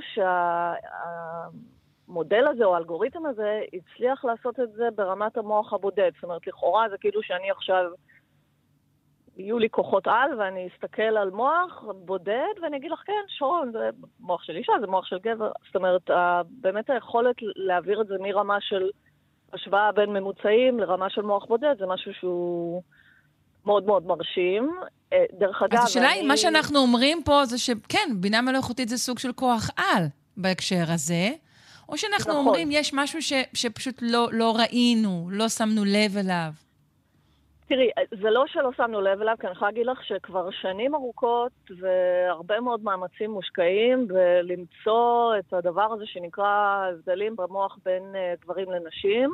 וכמו שאמרתי, זה לא שלא מוצאים, אבל זה לא הבדלים מאוד בולטים. כמו שאמרתי, זה מאוד לא עקבי. Um, וכאן אנחנו בעצם מדברים על איזשהו כלי שיכול לרוץ על המון המון המון נתונים, מאוד מאוד מהר, כן, זה, זה הכוח של הטכנולוגיה, ולזהות בעצם דפוסים שחוזרים על עצמם, ששוב פעם, אני ואת לא יכולות, וגם שיטות המחקר המסורתיות לא, לא מסוגלות לעשות. את צריכה פה באמת איזשהו כוח... אה, כוח חישובי מאוד מאוד גדול, ומה שהתחלתי להגיד... כי הוא מחבר להגיד, בין נתונים שונים, נכון? הוא, מזה, הוא מזהה דפוסים. הכוח פה mm-hmm, זה לזהות okay. אוקיי. דפוסים שחוזרים על עצמם, שאנחנו לא תמיד יכולים לשים לב אליהם, שוב פעם, כי זה, לפעמים זה יכול להיות באמת דברים כל כך קטנים ברזולוציה שלהם, ש, שאת באמת צריכה את צריכה המון המון המון המון נתונים ואת הכוח לעבור על הנתונים האלה בשביל להגיע לאיזושהי מסקנה, ושוב פעם, את רוצה להגיע למסקנה הזאת ברמת ביטחון גבוהה, אה, וזה מה שחשוב פה. כן, זהו, השאלה היא למה אני בכלל רוצה להגיע למסקנה הזו. האם את חוששת אה, אולי מהיכולת הזו אה, של סריקה מהסוג הזה? יש, יש לנו מה לחשוש? תראי, אני, אני אגיד לך ככה, הטכנולוגיה תמיד יכולה ללכת למקומות טובים ולמקומות רעים. אני, אני תמיד אומרת, הטכנולוגיה בפני עצמה היא ניטרלית, השאלה היא מה אנחנו עושים איתה. כן? גם, גם אה, ביקוע גרעיני יכול להיות מאוד מאוד טוב אם את אה, מפיקה ממנו אנרגיה ירוקה. את זורקת פצצת אטום על כן. אזרחים, זה סיפור אחר, כן? אמ, אז אני, אני אגיד את, את, אולי את שני הצדדים של המטבע, בסדר? אה, נתחיל עם הדבר החיובי, ובגלל זה המחקר הזה באמת משמח אותי. אנחנו יודעים שאחד התחומים הבולטים שבהם אנחנו רואים הבדלים בין גברים ונשים ברמה ההתנהגותית או הפסיכולוגית, זה כל מיני אה, מחלות פסיכיאטריות. בסדר? למשל, נשים הן עד פי שתיים אה, יותר בסיכון לפתח דיכאון לעומת גברים. מצד שני, גברים הם עד פי שתיים יותר בסיכון מנשים לפתח הפרעות התמכרות. אוקיי, אבל למה שבינה מלאכותית תעזור? פשוט אני אגיע לרופא, הוא יראה שאני אה, אה, אישה או גבר. בהקשר הזה, כמובן שאני יכולה לבקש שיקראו לי בכל כינוי מין שאני ארצה, אבל, אבל בהקשר הזה הוא יראה. למה זה עוזר לנו שבינה מלאכותית תזהה? אנחנו רוצים, להבין, אנחנו רוצים להבין את המנגנון, אנחנו לא יודעים עד היום למה זה קורה. אוקיי? אני לא יכולה mm. להגיד לך, להצביע לך ספציפית במוח ולהגיד, בגלל זה נשים יותר בדיכאון, בגלל זה גברים יותר סובלים מהתמכרויות, וכמובן גם דברים שמושפעים ברמה החברתית, כן? הביולוגיה תמיד אה, יש איזשהו משחק אל, אל מול הסביבה וה, והתרבות שלנו, אבל זה כן, יכול לעזור... כן, כלומר זה מעגל, זה מעגל חוזר. Mm-hmm, נכון, כן. אבל זה, זה יכול, יכול לעזור לנו להתחיל לשים לב באמת למנגנונים שעד היום לא, היה לנו, לא הייתה לנו יכולת להגיע אליהם, כי אנחנו לא כל כך טובים בלזהות את הדפוסים האלה. ואני אגיד מעבר לזה, אפילו מעבר לעולם של גברים ונשים, את יכולה לקחת המון המון סריקות של אנשים בלי דיכאון, והמון המון סריקות של אנשים עם דיכאון, וה... תאורטית האלגוריתם הזה יכול למצוא את ההבדלים המאוד עדינים במוחות של חולי דיכאון שלא נמצאים במוחות של אנשים בריאים. ואם אני אקח את זה עוד צעד אחד הלאה, את יכולה להתחיל אולי אפילו את אותם חולי דיכאון לסווג לקבוצות ולהבין שדיכאון זה לא משהו אחד, אלא זה הרבה מאוד דברים. ופה אנחנו כבר נכנסים לעולמות של טיפול מותאם אישית, כן? אם את מזהה ברמת המוח הבודד את המנגנון הספציפי, את יודעת להתאים לו טיפול יותר ממוקד. אז, אז מהמקומות האלה זה באמת, אה, זה, זה, זה כוח על, ממש כוח על. כן. אה, ואת יכולה גם לומר לי משהו, משהו כנגד זה? אמרת שיש אז, שני צדדים. אז, אז אני אגיד שבהקשר של uh, גברים ונשים, אין לי, תראי, אני לא מתווכחת עם המדע, בסדר? מדען לא יכול להסכים עם המדע רק כשהוא מתאים לאג'נדות שלי. אני אבל כבר רואה כל מיני כותרות בעיתונות הפופולרית, אה, שלוקחות את הממצא המאוד מעניין הזה, וכמובן, אה, את יודעת, אה, נותנות איזושהי כותרת צהובה של סוף סוף הוכחנו, נשים טובות ב multitasking וגברים טובים בכדורגל, לא יודעת, הכי סטריאוטיפי mm-hmm. שיכול להיות. אז אנחנו כן. צריכים נורא נורא להיזהר, כי אני אומרת שוב פעם, כמו שאמרתי לגבי טכנולוגיה, המדע הוא אובייקטיבי.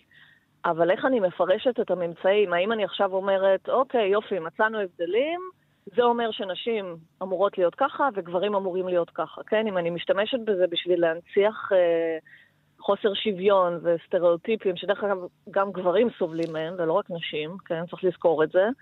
אה, כן, זהו, לכן אני אומרת, אולי זה יתקן אה, גם וגם, ואולי זה דווקא, שוב, וגם זה אני לא יודעת אם זה לטובה לחלוטין, חלק באיזשהו מהלך אה, השוואתי, שכן ייתכן שאבולוציונית יש סיבה, נגיד, להבדלים בזיכרון רגשי. בין נשים לבין גברים. ייתכן שיש לזה סיבה, וככל שנטשטש את ההבדלים האלו, אתה יודע, תקרו כל מיני דברים למין האנושי, גם זה לטוב ולרע, ולרע, סליחה.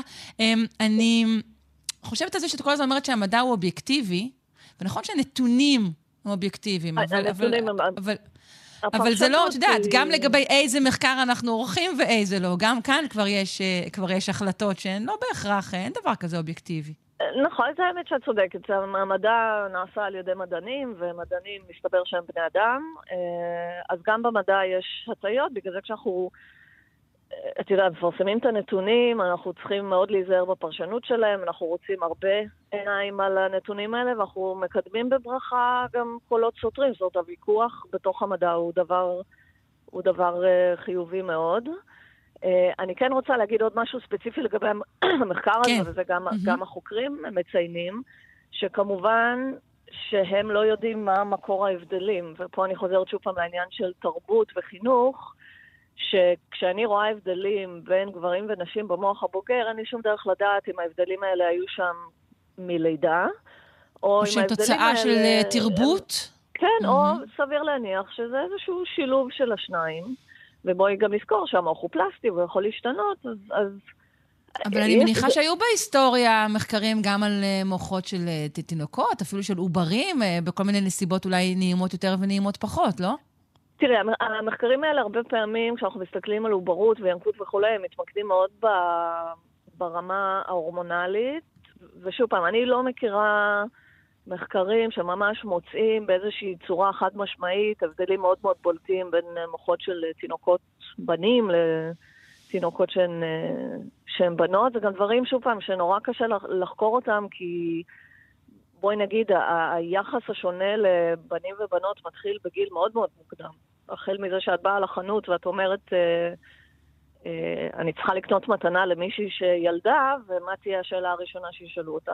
אם זה בן או בת, כי אם זה בת צריך לקנות לה חולצה ורודה, ואם זה בן צריך לקנות לה חולצה כחולה. כן, התגובה כן. שלי לשאלה הזו היא בהייה בחלל האוויר, משל לא שמעתי אותה. כן, אני אמ, פשוט אומרת, אה, מה זה משנה? כאילו, באמת. כן.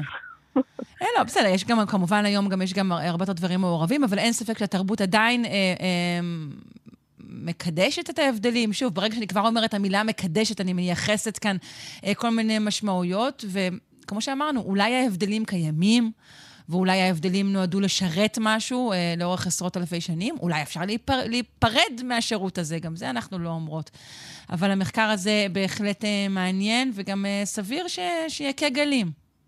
כן, ואני אגיד, את יודעת, ברור שהמין הביולוגי שלנו משפיע על המוח, אבל הוא אחד מתוך הרבה מאוד גורמים שמשפיעים על המוח. אה, ואנחנו, כל דבר כזה מקדם את ההבנה שלנו, אנחנו בהחלט מקבלים אותו בברכה. דוקטור נועה בלדה, ממרכז סגול למוח ותודעה באוניברסיטת רייכמן. תודה רבה. בבקשה, ביי.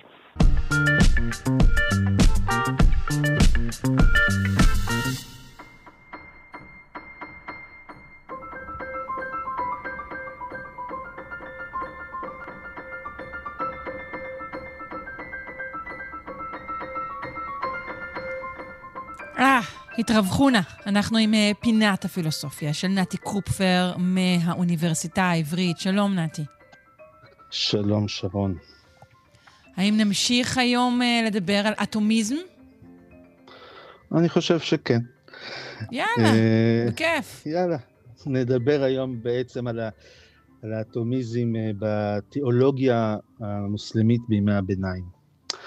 בתיאולוגיה אה, המוסלמית. רגע, גם אמרת תיאולוגיה וגם אמרת... אוקיי, בסדר, תספר. מה שאת שומעת, את, הכל אצלך בסדר. אה, אבל קודם כל אני רוצה להגיד איזשהו משהו לגבי ה... בשביל להקדים באמת, כי זה תיאולוגיה, זה נשמע קצת אה, אולי מפתיע, אטומיזם ותיאולוגיה, אז קודם נגיד משהו באמת על האטומיזם היווני, לפחות מבחינה תרבותית. והייתי אומר שיש, שיש לו איזשהו רוח של חולין ש, ששורה עליו, אה, אולי אפילו משהו מה, מהחילוניות אולי, כל ה, כמה שהמושג הזה הוא אה, בעייתי, אבל אה, אנחנו רואים שם תפיסה מטריאליסטית מאוד, כן, הכל עשוי אטומים, אבל אנחנו, אם נחשוב רגע על אפלטון ואריסטו, נחשוב על, על עולם שמלא ב... על עולם של אידאות אצל אפלטון, או עולם אצל אריסטו, עולם שמלא במהויות ותכליות, אז פתאום אצל האטומיסטים באמת הכל נהיה מאוד מאוד אה, אה, מכניסטי כזה, הכל עשוי רק מ...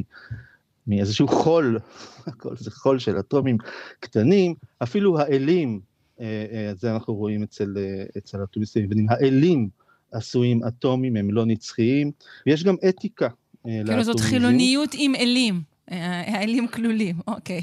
כן, בדיוק, כן. ויש גם אתיקה אה, אטומיסטית. אה, אני רק אעיר שדמוקריטוס, אחד מאבות האטומיז, האטומיזם היווני, נקרא הפילוסוף הצוחק. אוקיי? ובאמת האתיקה האטומיסטית היווני היא ממוקדת באדם, מאוד עסוקה באדם, באדם כיצור בטבע ובאושר שלו, ובעיקר בשלווה שלו ובעליזות שלו. ובאמת האטומיזם היווני הוא מזוהה, וזה לאו דווקא כל כך מוצדק, הוא מזוהה אפילו עם הדוניזם, משהו מאוד נהנתני, ושווה להזכיר, במאה השלישית... נורא מוזר, אתה, אתה יכול לתת עוד משפט על, על ההקשר הזה? מה, מה בין אטומים או תפיסה שכזו לבין הדוניזם ונהנתנות? בגלל, ש... בגלל שאין סיפור על מהויות ותכליות, ואנחנו, יש לנו, אנחנו, יש לנו טבע, אז אנחנו בקיומנו הטבעי צריכים לחשוב איך, איך פשוט, איך חיים בתוך הטבע הזה באופן המיטבי, ואז באופן טבעי שאלות על הנאה ועונג ושלווה, זה פחות או יותר האופן. כאילו היש הוא היש, ועכשיו תתפננו, פחות או יותר. פחות או יותר, יש בזה משהו, זה לא מגיע למין אה, הסרת כל עול ואכול ושתו כי מחר נמות, אבל זה כן אה, הולך למקום שבאמת מחפש את האיזון הנפשי ואת השלווה ואת, ה, ואת העליזות. אה, ויש, זה מאוד מעניין משהו... מה שאתה אומר, אני חייבת לפתוח, וואי, סוגריים ענקיים שלא פתחתי מעולם. וזה שמאז שאני כאן בתוכנית שלושה שיודעים, כן, נתי, אתה פותח אותי, מה אפשר לעשות? אני שמה לב שהמדענים הנפלאים והמומחים הרבים, איתם אני משוחחת, הם ברובם אה, אנשים שהייתי מזהה כמעט יותר עליצים אה, משאר האוכלוסייה, בטח משאר המרואיינים ברשתות מקבילות, ואני חושבת שיש לזה קשר למה שאמרת עכשיו, כלומר איזושהי הכרה במהו היש, במהו הטבע. זה לא הסרת אחריות, אבל זה באמת אה, איזושהי הכרה שיש בה משהו שהוא גם אה, אולי משמח או משחרר. זהו, סגרתי את הסוגריים האלה, מבחינתי אתה יכול לחזור לנושא שלך. זה מעניין. זה... אני מודה לך.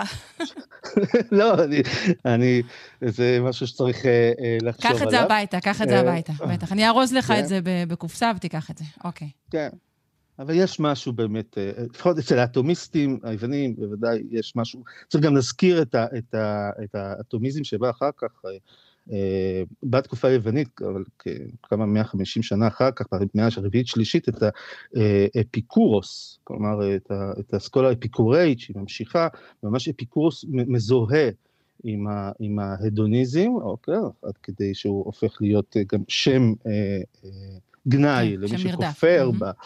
וכולי וכולי, על זה נדבר בפעם הבאה. אז, אז, אז באמת, אז יש פה איזושהי רוח של חולין ששורה על האטומיזם, אז בואו נלך באמת ונראה שזה לאו דווקא כך, ונדבר על, על אה, גילוי, גילום נוסף של אטומיזם, באמת בימי הביניים, אה, בעולם המוסלמי בימי הביניים, תקופה מאוד מאוד חשובה מבחינה תרבותית, מבחינה, גם מבחינה מדעית, אנחנו נדבר אבל על הצד התיאולוגי, יש לנו תנועה, בעיקר במאה התשיעית והעשירית, אבל אה, שנקראת הקלם, הקלם זה דיבור, או להוגים קוראים מותקלימון, והם מחזיקים בתפיסת עולם אה, אה, אטומיסטית, אה, ובשביל קצת להבהיר במה מדובר, אני רוצה להתחיל רגע מציטוט, לצטט ממישהו שהתנגד להם כמה מאות שנים אחר כך, להתנגד להם בכל תוקף, וזה רמב"מנו, הרמב"ם, רבי משה בן מימון, כן, וואו, נראה לי זה הופע, כמעט הופעת בכורה שלו כאן אצלנו בתוכנית, לרמב"ם. יאללה, מעולה. וואו, אוקיי. כן. אז, אה, אז הוא, זה, אני מצטט מתוך uh, ספר שנקרא שמונה פרקים לרמב"ם, זה בעצם ההקדמה שלו לפירוש, לפירוש למסכת אבות במשנה. נניח לחיבור הזה עצמו, רק נאמר שהוא נכתב תחת פרדיגמה מדעית אריסטוטלית, הרמב"ם היה מושפע מהתפיסה האריסטוטלית, כרבים בני דורו. אה, והוא מדבר שם, הוא מסביר קצת על הנפש האנושית, ממה היא מורכבת, הוא מדבר שם על, על הדמיון, על הכוח המדמה, וככה הוא כותב. החלק המדמה הוא הכוח אשר יזכור רישומי המוחשים אחר העלמם מקרבת החושים, וירכיב קצתם עם קצתם, ויפריד קצתם מקצתם, ולפיכך ולפיכך ירכיב זה הכוח מן הדברים אשר השיגם, דברים שלא השיגם כלל, ואי אפשר להשיגם. כמו שידמה האדם, ספינת ברזל רצה באוויר, ואדם שראשו בשמיים ורגליו בארץ, וחיה בעלת אלף עיניים, על דרך משל. והרבה מאלו הנמנעות, ירכיבם הכוח המדמה, וימציאם בדמיון. כלומר, הוא מספר לנו על היכולת של הכוח המדמה לדמיין דברים שלא קיימים. לדמיין, אבל מציאות דברים, שוב, שהרכיבים שלהם הוא ראה במציאות, אבל הוא מערבב נכון. אותם אה, אה, ערבוב שכזה, נכון. וכך הוא יוצר כל מיני יצירי כלאיים דמיוניים. אוקיי. נכון, וזה, וזה בשבילו בניגוד לשכל, אה, בניגוד לחשיבה אנליטית, שבאמת משקפת את המציאות, מנתחת אותה, לא לוקחת אותה ומשחקת איתה משחקים. ועכשיו אני ממשיך את הציטוט, וכאן הוא אומר, וכאן טעו המדברים, הטעות המגונה הגדולה, אשר בנו עליה פינת הטעייתם בחלוקת המחויב והאפשר והנמנע, שהם חשבו, אותם מדברים, או הביאו בני אדם לחשוב כי כל מדומה אפשר, ולא ידעו שזה הכוח ירכיב דברים שמציאותם נמנעת. אז הוא מדבר על איזושהי טעות של המדברים, אלה הם הכלם, המותקלימון, אוקיי? שהם חושבים שכל מדומה אפשר. אז אנחנו צריכים לשאול, רגע, מה הקשר בין הכלם והאטומיזם שלהם לבין הרעיון שאותו מתקיף הרמב"ם, שכל מדומה אפשר, שכל מה שאפשר לעלות על הדעת אה, אפשרי, וזה באמת קשור, נסביר את זה, זה קשור באמת לתפיסה האטומיסטית שלהם, שלא אה, נרחיב בה יותר מדי, רק נאמר שזה אטומיזם יחסית רדיקלי, הוא חושב בסופו של דבר שהמציאות מורכבת מ... מהמון המון אה, אטומים שהם נטולי כל תכונות לגמרי, אוקיי? הם רק ישים כמותיים בלבד, אוקיי? הם פשוטים, ב, הם כמעט נקודות פשוטות בתכלית הפשטות, אוקיי? ולכן, בגלל שהם פשוט, אה, אה, נקודות פשוטות, הם יצורים פשוטים, האטומים, אין באמת שום יכולת שלנו להסביר למה הם, אה, הם מתנהגים כמו שמתנהגים, או למה העולם הוא כפי שהוא. אוקיי? למה הם, הם, הם, הם, הם נעים לצד זה או לצד הזה, הם יוצרים גופים בעלי תכונות כאלה או אחרות, הם הרי פשוטים, מה, מהפשוט מכל, אנחנו לא, לא נוכל ליצור עולם בעל תכונות והבדלים ובעל סדר. ואז הם שואלים את עצמם, אוקיי, אז מה, מה הדבר בסופו של דבר שגורם לאטומים לקבל תכונות אלו או אחרות ולהפוך להיות דברים אלו או אחרים? והדבר הזה הוא אלוהים. אלוהים הוא זה שבעצם אה, אה, לוקח את החומר הפשוט הזה, אוקיי, ויוצר אה, ממנו, ממנו דברים.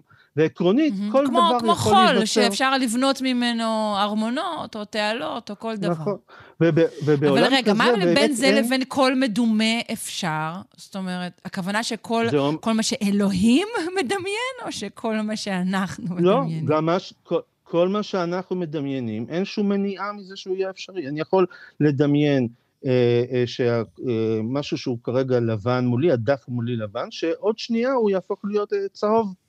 זה אפשרי, יפה. אין שום דבר בטיב החומר ש, שיגרום לזה. אילו אלוהים היה רוצה, היה, היה יכול אה, להפוך את האפשר הזה גם למציאות, אוקיי?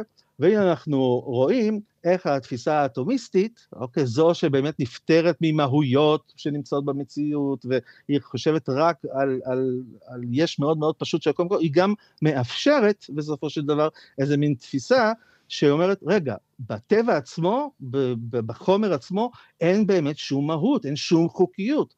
ולכן עולה הרעיון של אל שבורא את העולם, אל שבעצם הוא זה שקובע מה קורה בפועל, והשכל שלנו לא באמת אה, אה, יכול להגיד ככה זה טבע הדברים. טבע הדברים הוא כמו שאלוהים רוצה, אז הנה גרסה אחרת אה, אה, לאטומיזם. וואו, זה מגניב לא ממש. חילונית. אמ, אני תוהה, אה, באמת בדקה שנותרה לנו, האם הרמב"ם, שבעצם יוצא נגד התפיסה הזאת, אז מה, מה אנחנו אומרים על היחס שלו לאטומיזם? אז ראשון, הוא מקדיש הרבה מאוד, בספר מורה נבוכים, הוא מקדיש כמה וכמה פרקים לעשות סיסטמטיזציה של התורה הזאת, של הכלם, ולהכחשתה. ודבר ראשון, נקודת המבט שלו נקודת מבט מדעית, אריסטוטלית, שלא מוכנה לקבל את הרעיון שאין הבדל בין מדומה בין שכל לדמיון, זה דבר ראשון, אבל גם מנקודת מבט דתית, הוא מאוד מאוד חורה לו הרעיון לבסס את הרעיון של בריאה ואת הרעיון של אלוהים על סמך תורה מדעית שגויה ותורה מדעית שמבוססת על דמיון. מבחינתו, את האמונה באלוהים צריך לבסס על חשיבה מדעית, על חשיבה רציונלית ולא על דמיון, ולכן הוא ממש תוקף את הכלם, אוקיי, ואומר, והוא בעצמו מבסס את, אה, אה, אה, את קיומו של אלוהים, את ההוכחות, על ההנחה שאפילו העולם בכלל לא נברא. הוא אומר, אני לא רוצה לתלות את האמונה באלוהים ואת ההוכחות לקיום אלוהים על איזושהי תפיסה אם העולם נברא או לא נברא, ובוודאי לא על תפיסה ש, שיש אטומים.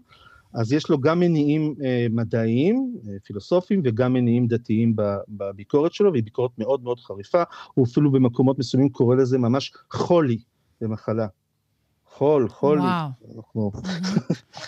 אה, טוב, אה, בומבה. אה, תודה רבה לך, נתי קרופפר, מהאוניברסיטה העברית. הרבה חומר לעבוד איתו. תודה. ביי ביי.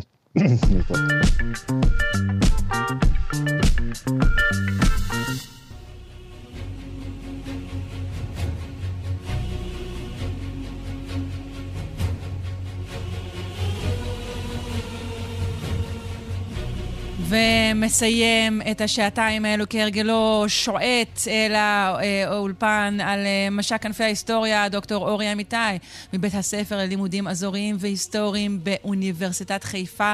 והיום, היום, הגענו סוף סוף אל הרגע, אני חושבת, המפגש הראשון, פנים אל פנים, של אלכסנדר הגדול מול דריווש, מלך פרס. אכן, זה קורה? זה קרה לפני 2,500 ו-2,300 ומשהו שנה, כן, אבל היום זה קורה עוד. אני חיה בהווה נצחי, חשבתי שסיכמנו את זה לפני שהתחלת פה את הפינה, אוקיי. כן, זה קורה סוף סוף, אנחנו משהו כמו שנה וחצי אחרי שהפלישה לאסיה החלה, כן? שאפילו אם תחשבי על זה שני שנה וחצי זה המון זמן, כן? וכמעט כמו כל המלחמה באוקראינה זה פי שלושה וקצת ממה שאנחנו בינתיים פה. המלחמה כן, הנוכחית ממש ממש אנחנו לא רוצים לחשוב שהמלחמה הזאת תמשיך שנה וחצי, כן. מצד שני אולי נכבוש את איראן, את לא יודעת, אבל אה, אין לדעת לאיפה זה יזלוג.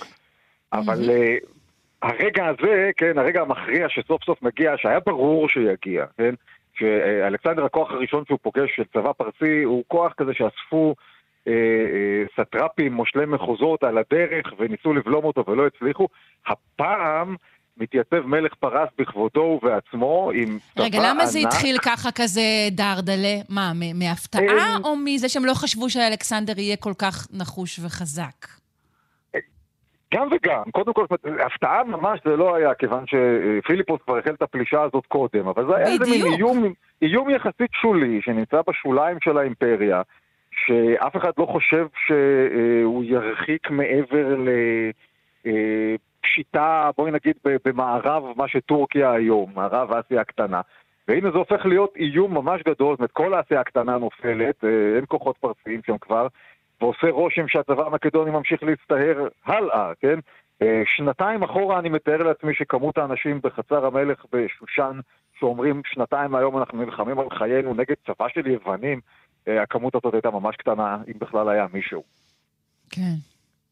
אוקיי, אז עכשיו, עכשיו הגיע, עכשיו הגיע הרגע. דריווש מבין שאוקיי, צריך פה להתייחס ברצינות לעסק הזה. כן, ועכשיו המוצב הקדמי שלו הוא העיר בבל, שהיא בשלב הזה, אנחנו נמצאים בשנת 333 לפני הספירה, אז בבל היא אחת מהערים הגדולות בעולם, אולי, אולי העיר הגדולה בעולם אפילו, אני לא יודע, ושם מתארגן הצבא. עכשיו, מקורות מספרים לנו, הדביקו לצבא את המספר הזה 600 אלף אה, חיילים, לוחמים, דברים כאלה.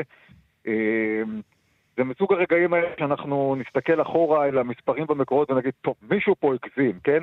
אבל כמה הגזים? כן, כאילו מה, זה אולי כמו שנות חיים תנכיות? אי אפשר לדעת מה זה באמת אומר. כן, חוץ מזה, את יודעת, שנות חיים תנכיות, ואנחנו יודעים לבטח שאברהם אבינו לא חי 175 שנה, אבל תאורטית, כאילו 600 אלף אנשים בצבא, תאורטית זה יכול לקרות, מעשית כנראה לא. הדבר הבטוח אבל, כן, זה שאנשים הרשו לעצמם לזרוק מספרים כאלה, ככל הנראה כי באמת הצבא של דריווש היה גדול לאין שיעור, כן? מהכוח הצבאי שעומד ברשות אלכסנדר, שזה, בואי נגיד, אם אנחנו מחשבים את הכל יחד עם הכל, זה משהו כמו 50 אלף איש שעומדים לרשותו, והצבא של דריווש הוא שש ספרתי, אה, ללא ספק בכלל, וגדול באופן ניכר. והוא מביא, מה, הוא מביא חיילים מכל מיני מקומות? מאיפה הוא מביא את, את כל כמויות החיילים האלה? לגמרי, ממש מכל מיני מקומות. יש חיילים פרסים ויש חיילים מדים שמגיעים מאיראן. אנחנו יודעים שיצא החל משלוח אה, אה, משמעותי מאוד ממצרים, כיוון שאלה כוחות שלא נמצאים אחר כך במצרים להדוף את אה, אלכסנדר או אפילו לנסות להתנגד לו. אה, מבבל הוא מגייס אנשים, למעשה הוא מגייס מכל מיני מקומות אנשים, כן? זה חלק מהיתרון ומהשיטה של האימפריה הפרסית זה שכשצריך צבא ממש גדול, יש המוני עממים ועמים וקבוצות אתניות כאלה ואחרות לגייס מהם חיילים. וזה מה שקורה. והיית אומר שהמספר ו... כאן, הגודל של הצבא הוא, הוא, הוא אולי ה-secret weapon שלו? זאת אומרת, זה, זה שיש כל כך הרבה, יותר מאשר אה, נשקים או אסטרטגיות או דברים כאלה, הכמות פה היא הדבר? לגמרי, ואין פה שום דבר סודי, כן? אמ, באירוע שקרה אמנם הרבה קודם, כן, כשהפרסים פלשו ליוון 150 שנה קודם, דיברנו על זה לפני אי אלו שבועות, יש קטע שמרגלים יוונים באים לבדוק את המחנה הפרסי ונתפסים, נופלים בשבי, ומלך פרס אז, אחשורוש, במקום להוציא אותם להורג או לענות אותם או איזה משהו כזה, הוא אומר לאנשים שלו, תראו להם את כל המחנה, את כל הצבא, ש... ואז תשחררו אותם, שיחזרו הביתה ויספרו מה הם ראו, כן? כולם משוכנע mm. שהגודל של הצבא לבד יספיק בשביל להוציא מהאנשים את החשק להילחם. כלומר, אין, אין כמו הפחדה כן? טובה בתור, uh, בתור uh, טקטיקה, אוקיי. ספיק סופטין, קרי ביג ספיק, במיוחד קרי ביג ספיק. אז זה, אוקיי. זה, זה, זה מה שעושה פה דריווש. עכשיו גם, יש קטע עם קרבות בעת העתיקה, זאת אומרת מצד אחד אה, יש סוג של קהל שנורא אוהב להתעסק עם זה, גם אני פעם הייתי חלק מהקהל הזה, אה, אבל אחרי שמתעסקים בזה כמה זמן, אין מנוס מלהודות שאנחנו, אנחנו לא כל כך יודעים איך נראו קרבות. כי, כי אפילו כש, כשבן אדם משתתף בתוך קרב, כן, אתה לא בדיוק יודע מה קורה בחלקים אחרים שלו, קל וחומר כשאתה רק קורא עליו בספר שכתב מישהו שאולי היה בקרב ואולי דיבר עם אנשים שהיו בו, קשה מאוד להבין ספציפית מה קרה. אנחנו יודעים ש... אה, הצבא הענק הזה... עקב אה, הדרמה הברור של רחפנים מהאירוע. תשמעי, העידן הזה של הרחפנים, יכול להיות שהוא משנה, שהוא משנה את המשוואה הזאת, אבל אנחנו גם כן אה, זמן רחוק מאוד מהמצאת הרחפן. אנחנו כן יודעים שלמרות שהיה צבא ענק לדריווש, הוא הצליח איכשהו לתמרן את אלכסנדר להילחם בש... במקום שדריווש רצה להילחם בו, כן? אה, הצליח לסגור את אלכסנדר באיזושהי פינה, בדיוק איפה שהיום סוריה מתחברת לטורקיה, ליד הים, כן? נכון? יש שם מין מפרץ כזה, איפה שהשפיץ כן, של כן. אה, קפריסין נכנס. למה הוא רצה לערוך שם את הקרב? מה, מה היה לו טוב שמה? למנוע מאלכסנדר לצאת מאסיה הקטנה, בגדול. Mm-hmm, לתפוס okay. אותו אוקיי. לפני שהוא מתחיל להשתולל במרחב, כן? כן. Okay.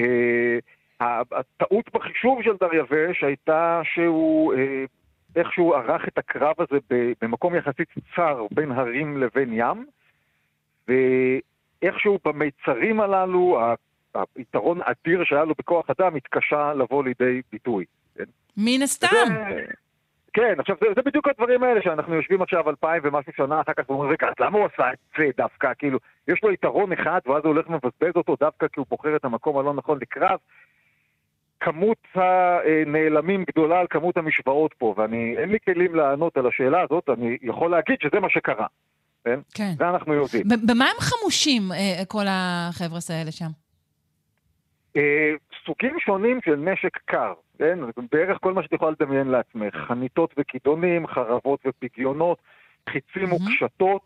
Uh, הצבא המקדוני יש, הוא אחד מהראשונים בהיסטוריה uh, שיש לו חיל ארטילריה, אולי אפילו הראשון בקנה מידה כזה, שיש לו חיל ארטילריה מפותח משל עצמו. זאת אומרת, uh, כלים שיכולים לירות דברים, להעיף דברים באוויר רחוק וחזק, שהם מעבר לחץ וקשת. אה, זה הפך אותו לאחד מהכוחות המצור גם היעילים ביותר שהיו בשטח ובכלל בעת העתיקה. אה, פרשים כמובן שיש לשני הצדדים, אה, הצבא הפרסי בדרך כלל הוא קצת יותר אקזוטי, יש להם גמלים, כן? שהם חלק מה... אה, אה, סדר כוח, ואפילו בקרב הגדול הבא יהיו להם איזה כמה פילים גם אפילו. כן. לא שזה עזר, אבל כמה פילים. לא עזר. אה, טוב, לדעתי, אה, על מהלך הקרב עצמו, ובעיקר על תוצאותיו, נצטרך לשמוע בשבוע הבא. אנחנו נישאר במתח. אוקיי. בסדר גמור. טוב בינתיים. אה, כן, אני מאוד מאוד מודה לך. דוקטור אורי אמיתי, מבית הספר ללימודים אזוריים והיסטוריים באוניברסיטת חיפה. תודה, המשך יום טוב, המשך שבוע טוב.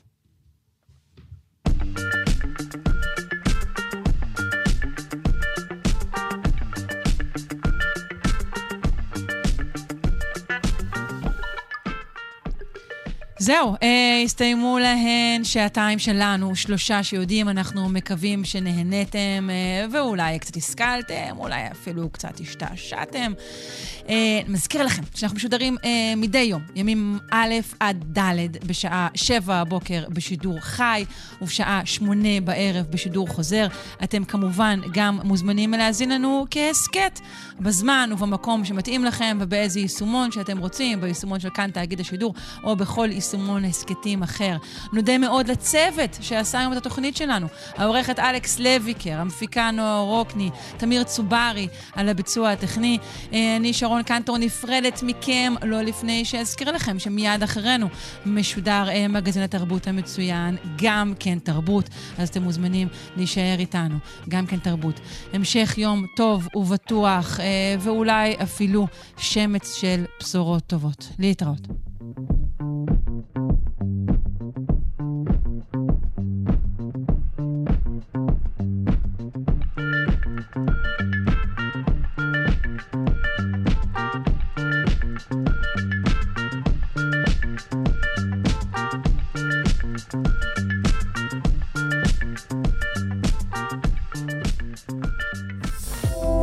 מאזינות ואתם מאזינים לכאן הסכתים, הפודקאסטים של תאגיד השידור הישראלי.